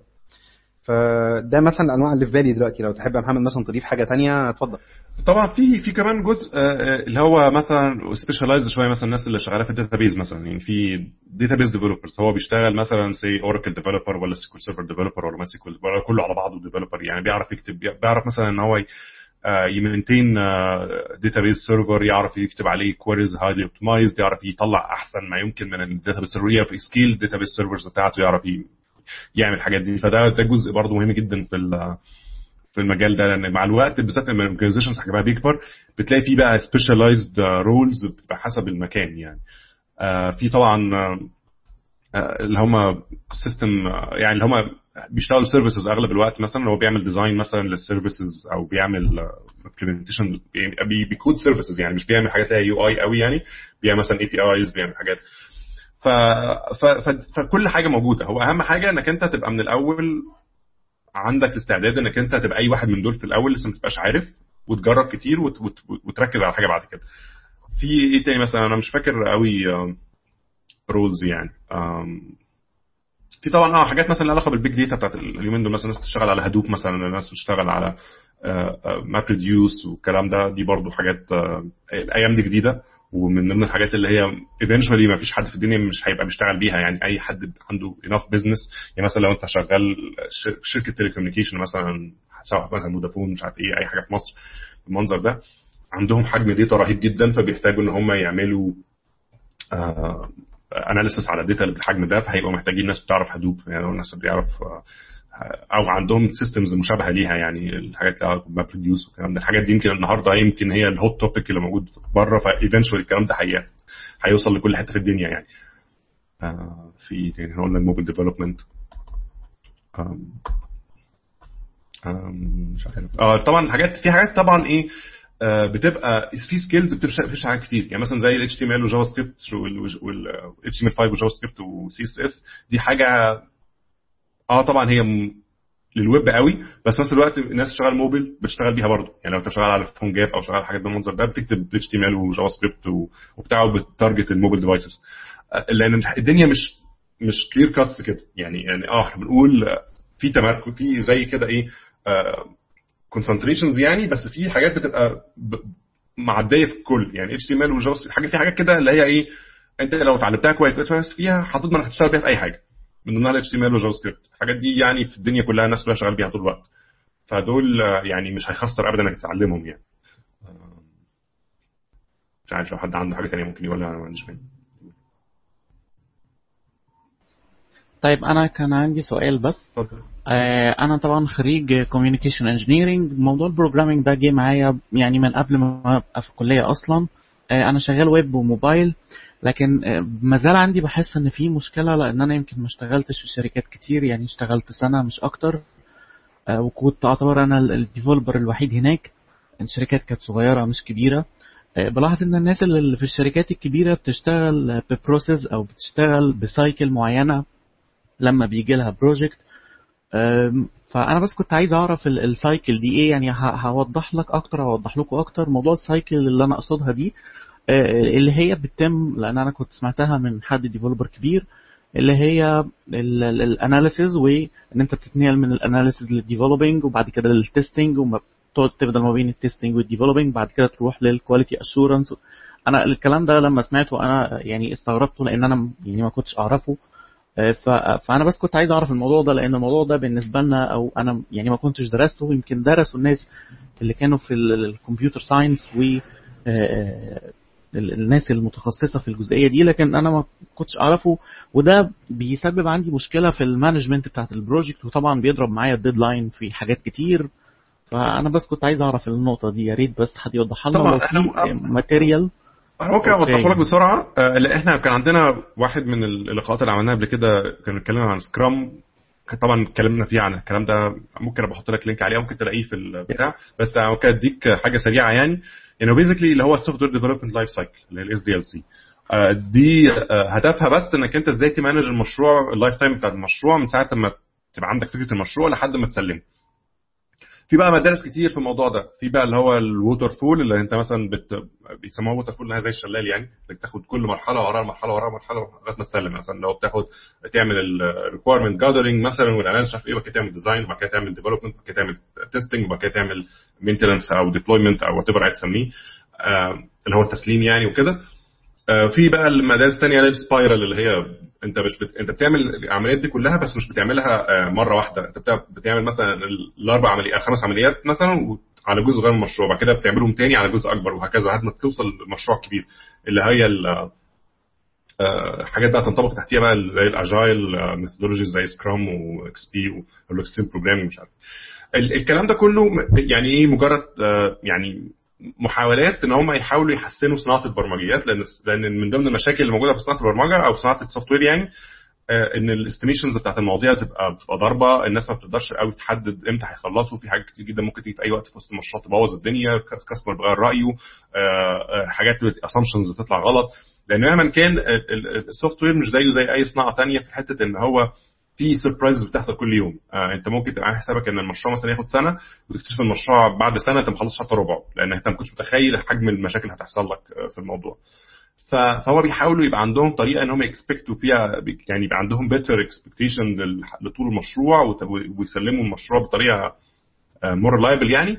بس ده لا يمنع إن برضه بيحصل مشاكل يعني. في أكبر شركات في الدنيا وبيحصل عندهم مشاكل برضه في التسليم آه وبيبقى عندهم مشاكل في ال estimations وبتاع. آه فهو يعني ده زي ما انت بتقول هو آه طبعا الناس كلها عندها مشاكل والناس كلها بتحاول تحل فطبعا أحسن لك إنك أنت بتبتدي تدور في الكلام ده وتقراه هو ما فيهوش مشكلة يعني هو مجرد process هتلاقي process كتير تقدر تمشي أو تمشي عليها best practices وكده.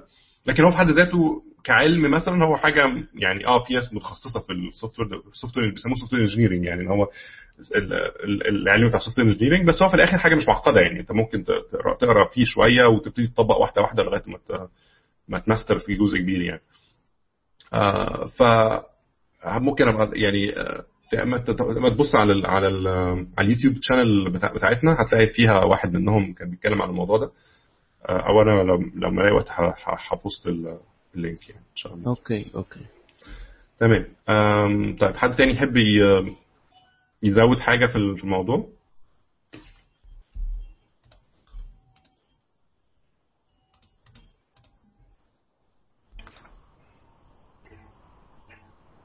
إيه حد هيقول حاجة تاني ولا إيه؟ إيه خير.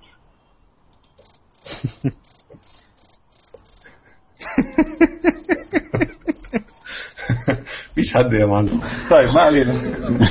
غالبا في في في ضفدع عايز يعمل مداخلة.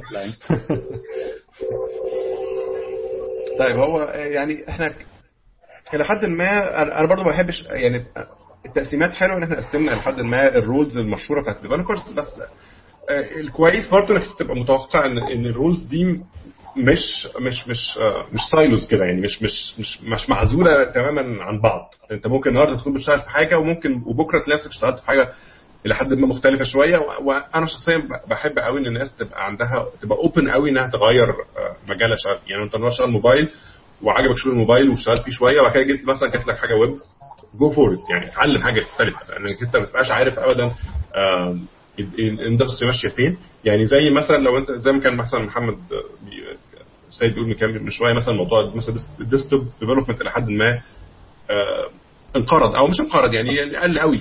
فطبعا لو أنت كنت بتشتغل بس ده exclusively مثلا ممكن تكتشف النهارده إنك شغلك مش لاقي شغل كفاية لأنك أنت ما كنتش بتقوي بتبص على إنك إزاي تشتغل ويب مثلا وبتاع. فدايما حاول إنك أنت تبقى إيه اول all over the place يعني. آه، بالذات لانك أغلب يعني دلوقتي عايشين في حاجة في وقت كويس إن أغلب ال tools بتشتغل في كل حاجة.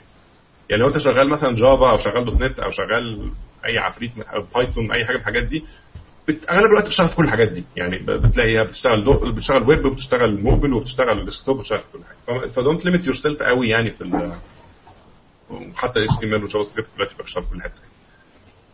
يعني أنا مثلا إحنا عندنا في الشركة بيكتبوا بنعمل مثلا players بتاعت الفيديو بنعملها في تلفزيونات اللي هي ال smart TVs دي اللي هي بتاعت سامسونج اللي بيبقى فيها ويب ومش عارف إيه وبتاع دي شغالة جوه HTML و JavaScript يعني تبقى application بتاعك JavaScript فاللي هو يعني الدنيا بقت كل حاجة داخلة في كل حاجة يعني فما تحاولش تبني حاجة مش موجودة يعني.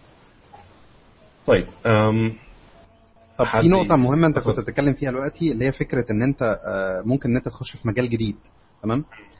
آه، أنا شايف من ال من من يعني من ال من طبيعة الحياة بتاعتنا as developer أنت مطلوب منك دايما إن أنت تحافظ على track ين، ال track الأولاني إن أنت ت keep yourself updated مع الحاجات اللي أنت مطلوب إن أنت تشتغل بيها on daily basis أنت واحد مثلا شغال ويب لازم إن أنت على طول تبقى up to date مع ال technologies اللي أنت شغال بيها في مجال ال web development نقطة ثانية برضه ما ينفعش إن أنت تستغنى عنها نقطة إن أنت على طول ت discover حاجات جديدة.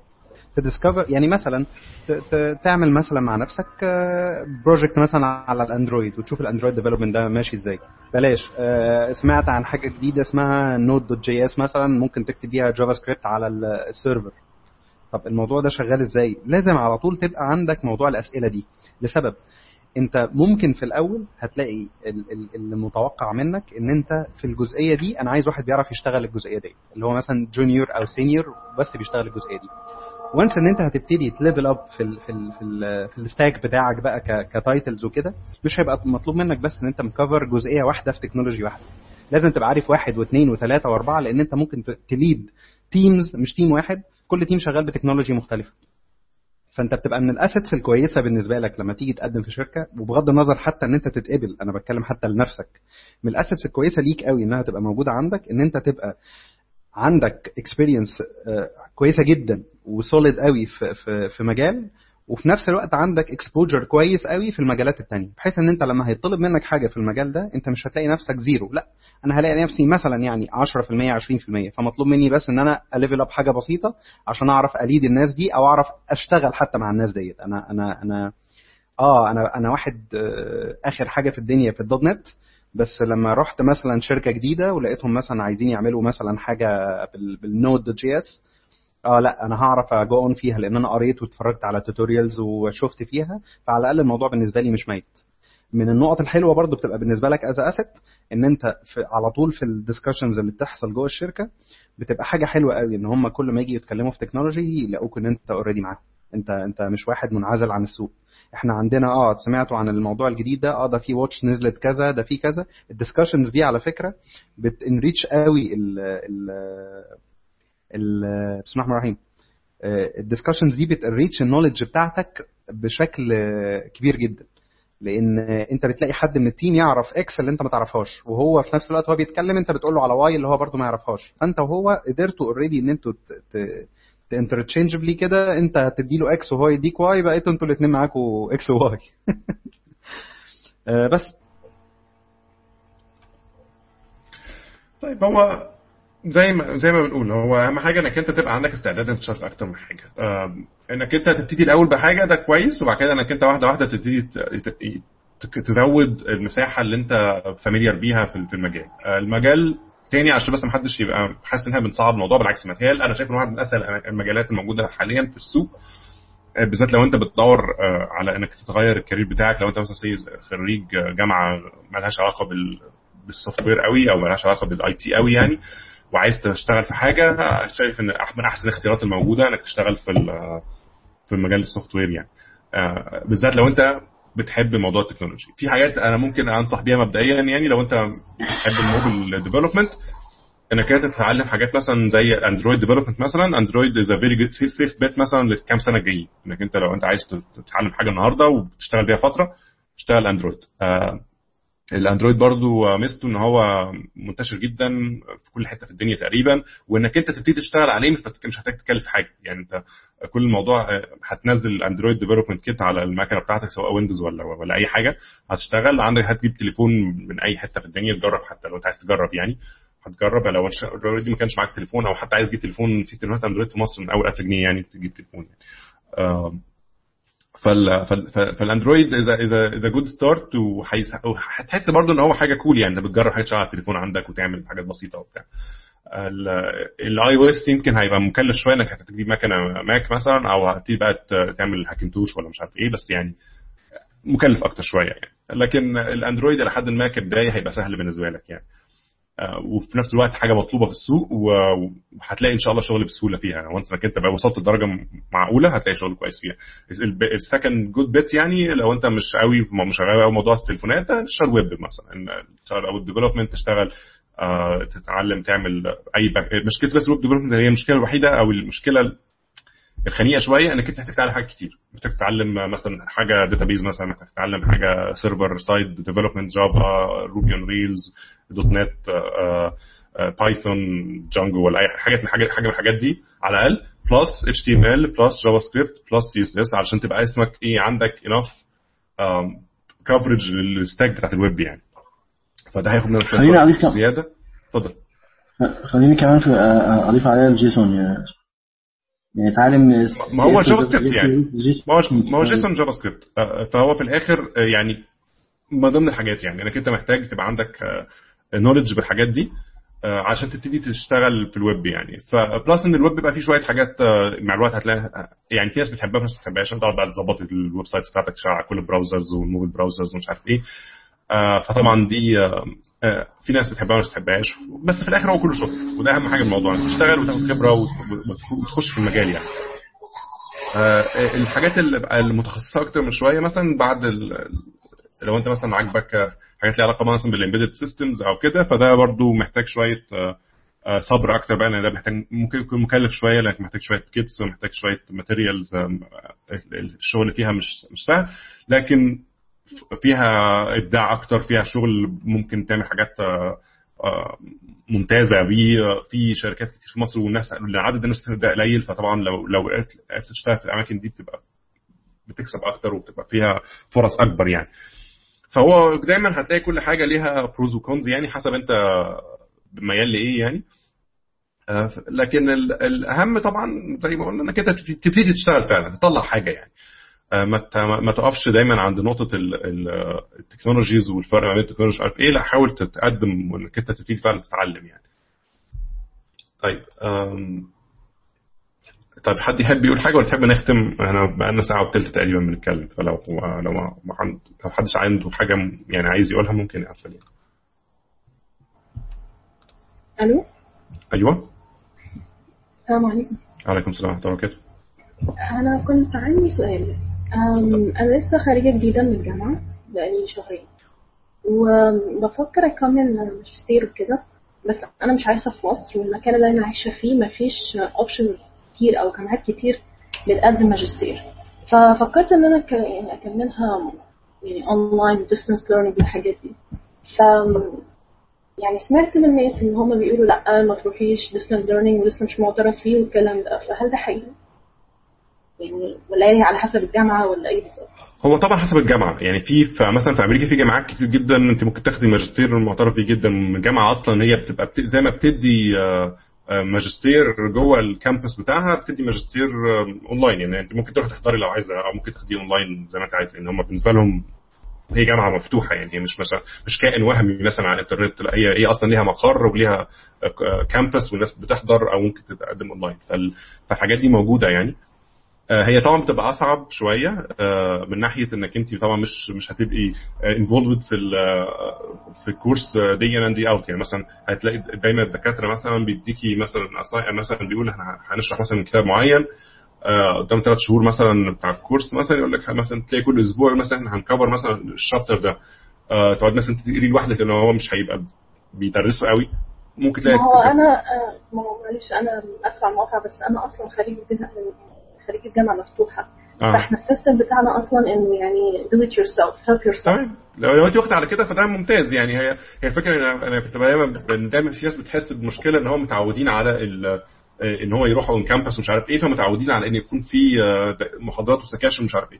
لكن لو أنت أصلا من الأول واخدة على الأسلوب بتاع آه، إنك أنت تذاكري لوحدك وتعرفي تبقي committed لوحدك ومش عارف إيه طبعا ده هيبقى بالنسبة لك يعني ما فيش فرق يعني. plus آه طبعا بيبقى فيه امتحانات بطريقة مختلفة شوية و papers بتتسلم بطريقة مختلفة لكن هو طبعا أنا أعرف ناس كتير جدا بيبقوا مثلا full time بيشتغل وعايز ياخد ماجستير فما يقدرش إن هو يروح يبقى full time في جامعة يعني ما يقدرش يروح كل يوم جامعة يعني. فبياخدها distance learning مثلا في أي جامعة اونلاين وبيخلصها كده يعني. هي بقى الفكرة دايما بتبقى إنك تلاقي في المنطقة اللي أنت فيها جامعة كويسة أو على الأقل معقولة فيها البروجرام ده موجود يعني. إن مش كل الجامعات يعني حتى في أمريكا في جامعات كتير تلاقيها اسمها وهمية يعني هو نظام جامعه توفيق عكاشة للماجستير يعني. اللي هو في جامعات كويسة جدا بس هي بقى فكرة اللي تعرف تلاقيه يعني كويس. تمام. طيب دلوقتي أنا يعني خلصت الجامعة وبدور على شغل بس في في نقطتين أنا مش عارفة ابتدي منين دلوقتي يعني. يعني أنا وصلت لمرحلة طب وبعدين أنا دلوقتي في مرحلة طب وبعدين إيه إيه اللي بعد كده؟ الشغل يعني؟ اللي هو إيه بعد كده نلاقي شغل ولا بعد كده إيه؟ شغل ودراسه آه طيب ماشي. ما هو أهم حاجة يعني لو أنت ناوي تشتغلي لازم الأول تدوري على بالذات إن لسه خرجت الجامعة فعندك فرصة كويسة تدوري على internships آه تدوري مثلا تخشي أي شركة مبنية intern فبيبقى مثلا say 3 4 5 شهور حسب المكان. يديكي مشروع معين تعمليه. فبتاخدي خبرة انك تشتغلي مع مع شركة في بنظام professional اللي هو بتروحي كل يوم شغل ومش عارف إيه وكده وبيبقى مشروع وليكي manager و team فتاخدي ال experience في الموضوع ده. plus إن حاجة بجد يعني. إحنا حتى عندنا في الشركة مثلا بيبقى في كل صيف internships بتتعمل. مثلا بتاع 30 40 واحد بيجوا في الفترة دي ثلاث أربع شهور بيقولوا مشاريع والمشاريع دي بنستخدمها إحنا نفسنا بعد كده يعني مش مشاريع بتترمي في الزبالة مشاريع مشاريع يعني. بيبقى مثلا صيف فترات الصيف بتاعه مثلا يجي مرة مرتين في على مدار الدراسة بتاعته وبعد كده ممكن يبقى يجي full time بعد كده. فال internship واحدة من أحسن الحاجات أحسن ال routes يعني للناس اللي عايزة تتحول من الاكاديميا لل لل, لل... لل industry يعني. فده واحد من ال routes كويسة.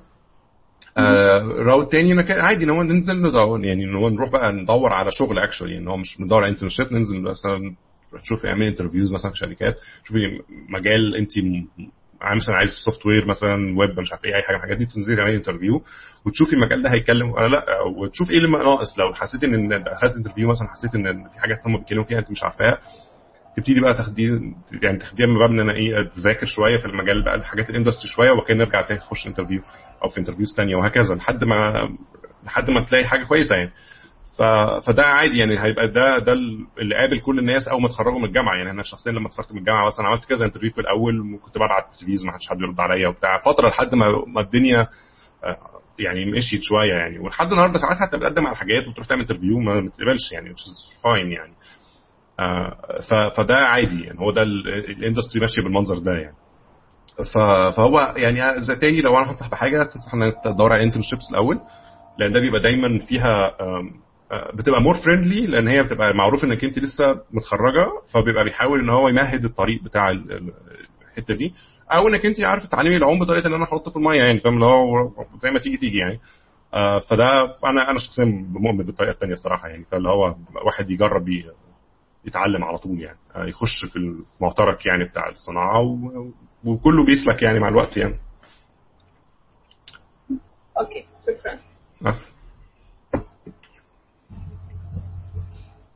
طيب. آه وكان محمد آه محمد السيد كان حاطط لينكات على ستانفورد university master degrees وكده.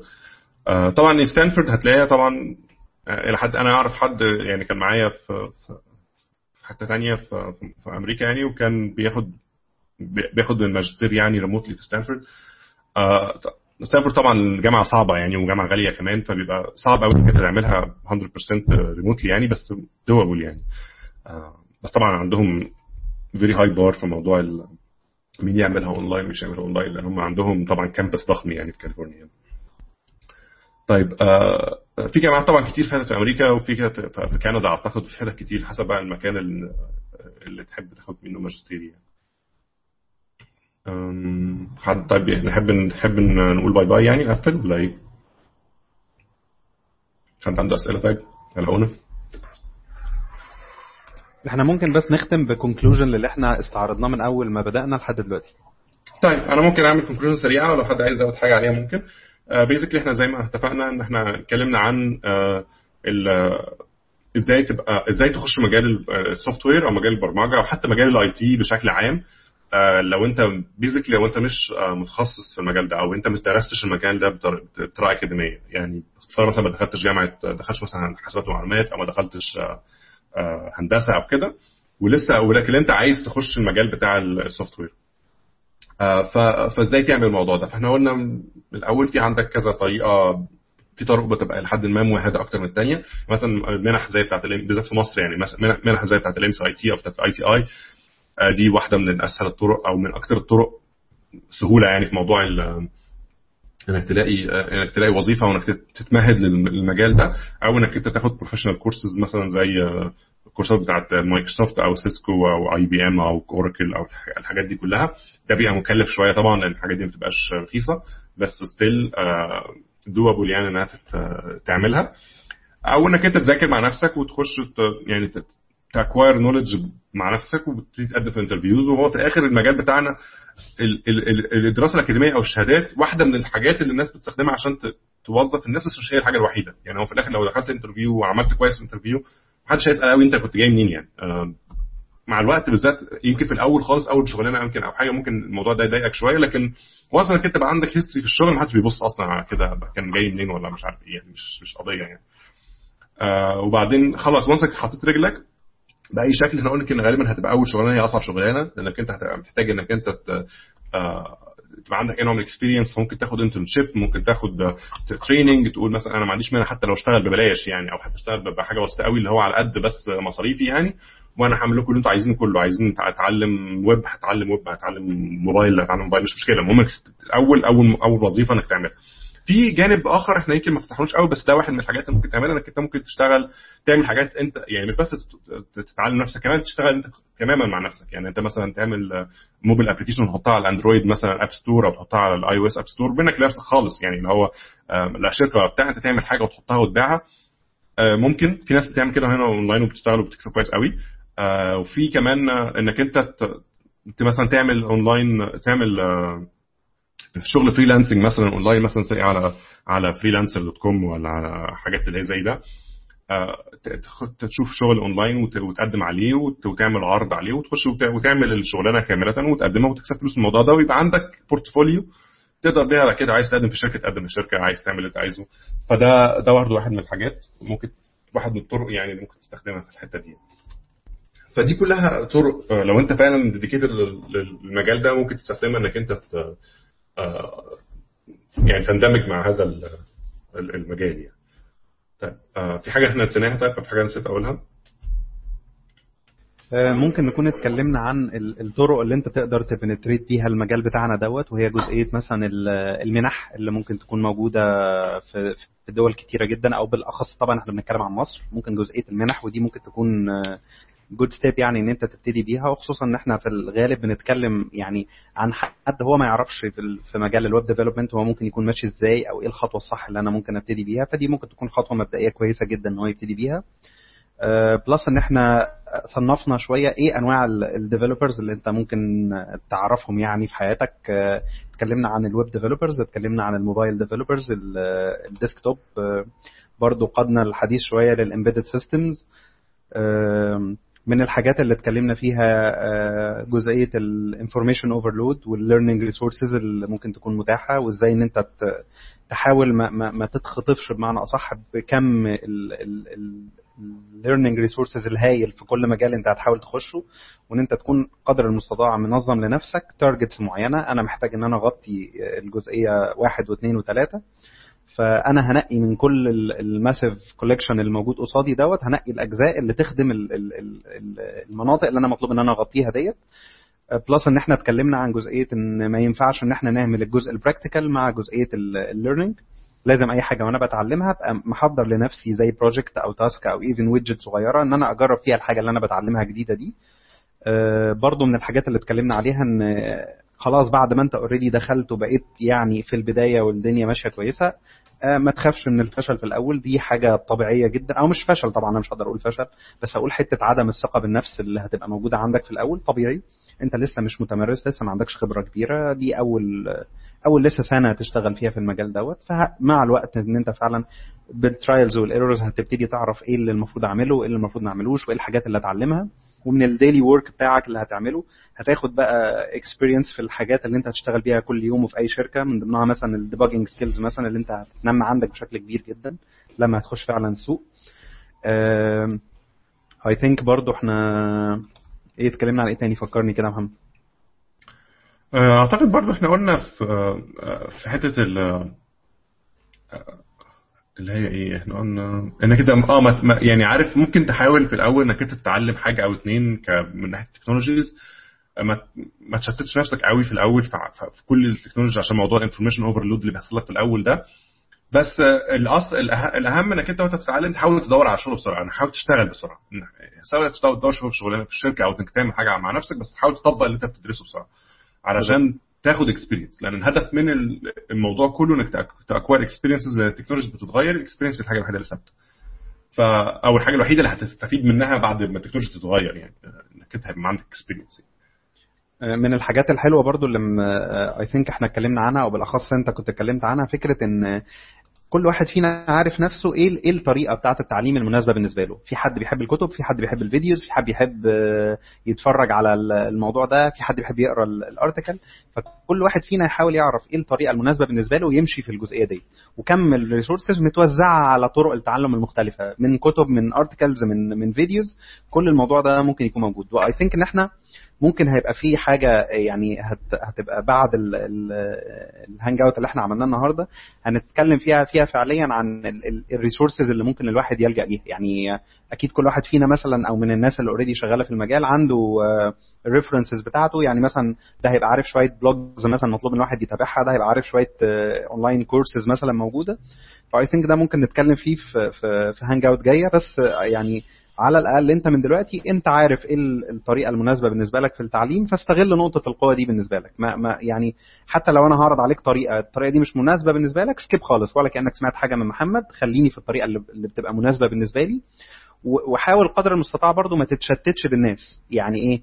زي بالظبط فكرة لما أنت بتبقى سايق عربية وتقول له مثلا المكان ده فين وواحد ما يعرفش. يقول لك أنت تطلع فوق الجبل ده وتنزل تحت الهرم وبعد كده تطلع الجزئية الشمال تلاقي نفسك مش في المكان. لا سيبك من الناس بقى اللي هتقعد تنصحك. يعني انت حاول تكون عندك ميزان كده انت بتقيم بيه الأمور.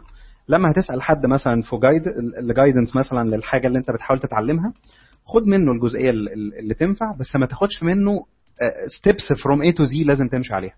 انت هتاخد منه زي مفاتيح كده للطرق اللي أنا المفروض أمشي فيها لكن مش هاخد منه steps يعني مثلا هاجي لواحد مثلا أقول له أنا أنا أنا محتاج مثلا أتعلم Scala مثلا. يقول لي إيه Scala دي؟ أنا ما أسمعش عنها. لا لا لا لا سيبك من الموضوع دوت هو ال .NET اللي شغال وكويس ده هو هنا بيتكلم عن وجهة نظره الشخصية. هو مش بيتكلم هو ما يعرفش أنا محتاج إيه ولا عايز إيه. فبالتالي ده أنا ه skip الجزئية اللي هو قالها بتاعت لا لا وسيبك وكده وخلاص. حد تاني هيجي يقول لي آه بالظبط ممتاز كويس إن أنت عرفت الموضوع ده. حضرتك بص ممكن ال resources 1 2 3 4 وحاول تدخل جواه ممكن واحد يجي يقول لي تعالى اشتغل معايا مثلا في project freelancing مثلا أنا هشتغل ب Scala وعندي استعداد مثلا إن أنا أتعاون معاك إن أنت تتعلمها وأديك tasks بسيطة. فكثرة السؤال وكثرة إن أنت ت interact مع الناس اللي في المجال بيعلمك. وكنصيحة برضو يعني أنصح ناس كتيرة لو اللي هي داخلة لسه المجال جديد خش على ال online forums وال collaboration sites زي Stack Overflow مثلا أنا هكتبه برضو عشان لو حد ما يعرفوش. ده من من ال web sites اللي هي reference لينا كل يوم يعني. خش على ال communities ديت وحاول تشوف الناس بتتكلم عن إيه في المجال اللي أنت بتشتغل فيه. هتلاقي كم أسئلة كتيرة جدا لحاجات بتحصل practical فعلا حاجات بتحصل في ال daily life بتاعتنا. شوف الناس بتسأل إزاي وشوف الناس بتجاوب إزاي وبجد كنصيحة لو تقدر ت give back لل community ده هيزود عندك أنت الموضوع كبير قوي لو شايف سؤال تعرف تجاوب عليه حط effort وجاوب عليه. لو شايف سؤال ممكن إن أنت تحسن من الصيغة بتاعته وعندك ال ability لكده خش وحسن الصيغة بتاعته. لو أنت محتاج تسأل سؤال اسأل و share ال answer دي مع الناس اللي أنت تعرفهم. الموضوع ده بجد حلو جدا بالنسبة لك.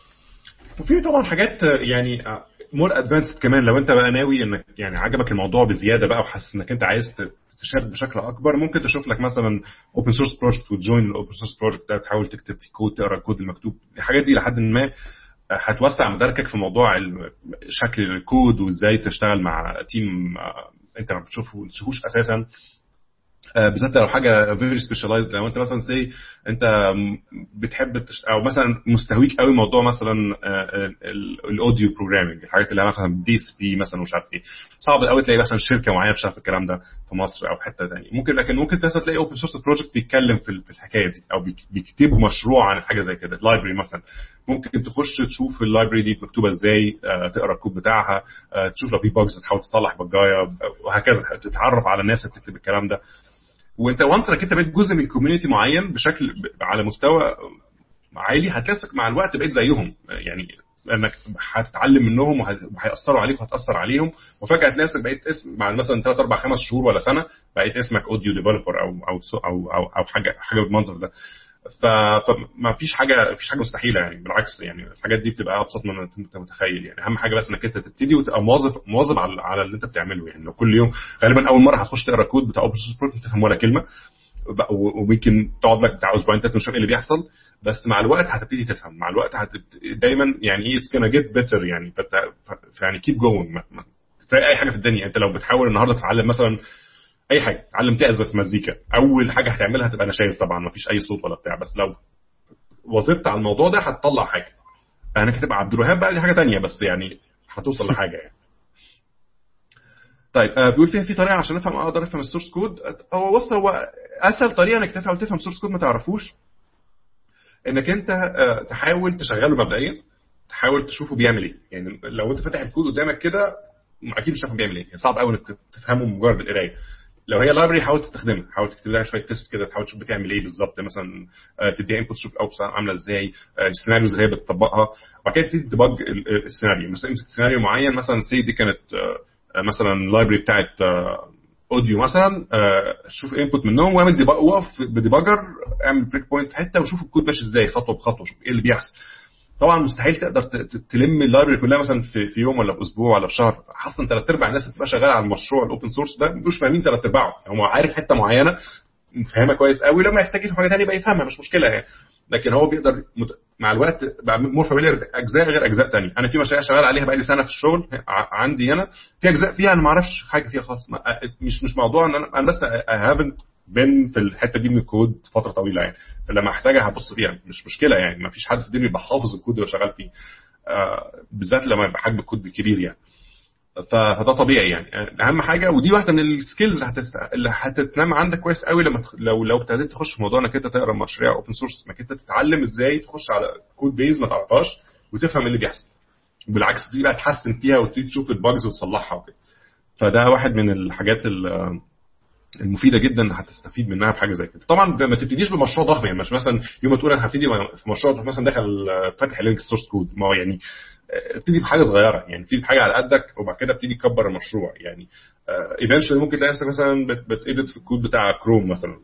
it's fine يعني هتوصل للمراحل دي بس أهم حاجة تبتدي بحاجة بسيطة عشان تقدر تخدمها وهكذا واحدة واحدة. تمام أعتقد يعني عشان بس ما نطولش على الناس إحنا يعني حاولنا على قد ما نقدر إحنا ن cover جزء من الموضوع إنك أنت إزاي تت... لو أنت مش أكاديمي أو زي ما خدتش دراسة أكاديمية إزاي تخش موضوع البرمجة. طبعا الموضوع ده كبير جدا وفي آراء كتير والموضوع مش مش بسيط إن حد يكفره بس إحنا بنحاول على قد ما نقدر هنساعد لو حد عنده أي أفكار تانية أو عنده أي أسئلة عايز يبعتها يبعتها لنا على البيج أو يبعتها لنا يبعتها لي أنا شخصيا على الإيميل بتاعي مش هرد طبعا على أي حد يرد يبعت لي يعني. آه لو حد عنده أسئلة محتاج مساعدة هنبقى مبسوطين جدا إن إحنا نساعده يعني. فلو ده أول مرة تتفرج على اتفضل. لا لا اتفضل اتفضل كمل. ولو دي أول مرة تتفرج على على ال hangouts بتاعتنا أو تحضر ال hangouts بتاعتنا إحنا بنعملها كل أسبوع. كل أسبوع يوم كل يوم سبت الساعة 8 مساء بتوقيت القاهرة. بنتكلم في موضوع مختلف. وال page بتاعتنا com slash askdeveloper أو askdeveloper.com آه فطبعا دول يعني هكتبهم هنا في الشات يعني. ده ال askdeveloper.com ده ال website بتاعنا. هتلاقي فيه لينكات على كل الحاجات التانية. وهتلاقي طبعا كل ال previous hangouts اللي إحنا عملناها كلها متسجلة وكلها محطوطة على ال على ال page بتاعتنا. آه، لو تقدر طبعا تشير الفيديو ده مع الناس تعرفهم آه، أو حد بتحب أو group انت بتتكلم معاه ده هيكون أحسن طبعا إن نوصل المعلومة للناس كلها. آه، وشاركنا على طول. إحنا كل أسبوع إحنا مش بن... أنا شخصيا مش بختار الموضوع. إحنا بنعمل بنعمل voting على ألو... على ال page والناس بتختار الموضوع والموضوع الأكثر تصويت بنعمل له بنتكلم فيه. فلو انت عندك موضوع عايز تتكلم فيه خش بس خليك متابع معانا على ال page هتلاقي ال vote بينزل غالبا في نص الأسبوع مثلا يوم اثنين أو ثلاث نبتدي نحط ال vote والناس تفوت عليه وكده يوم السبت اللي بعديه على طول نتكلم فيه. آه طب نقدر نقول لكم بقى تصبحوا على خير وكل سنة وأنتم طيبين. آه وإن شاء الله نشوفكم الأسبوع الجاي.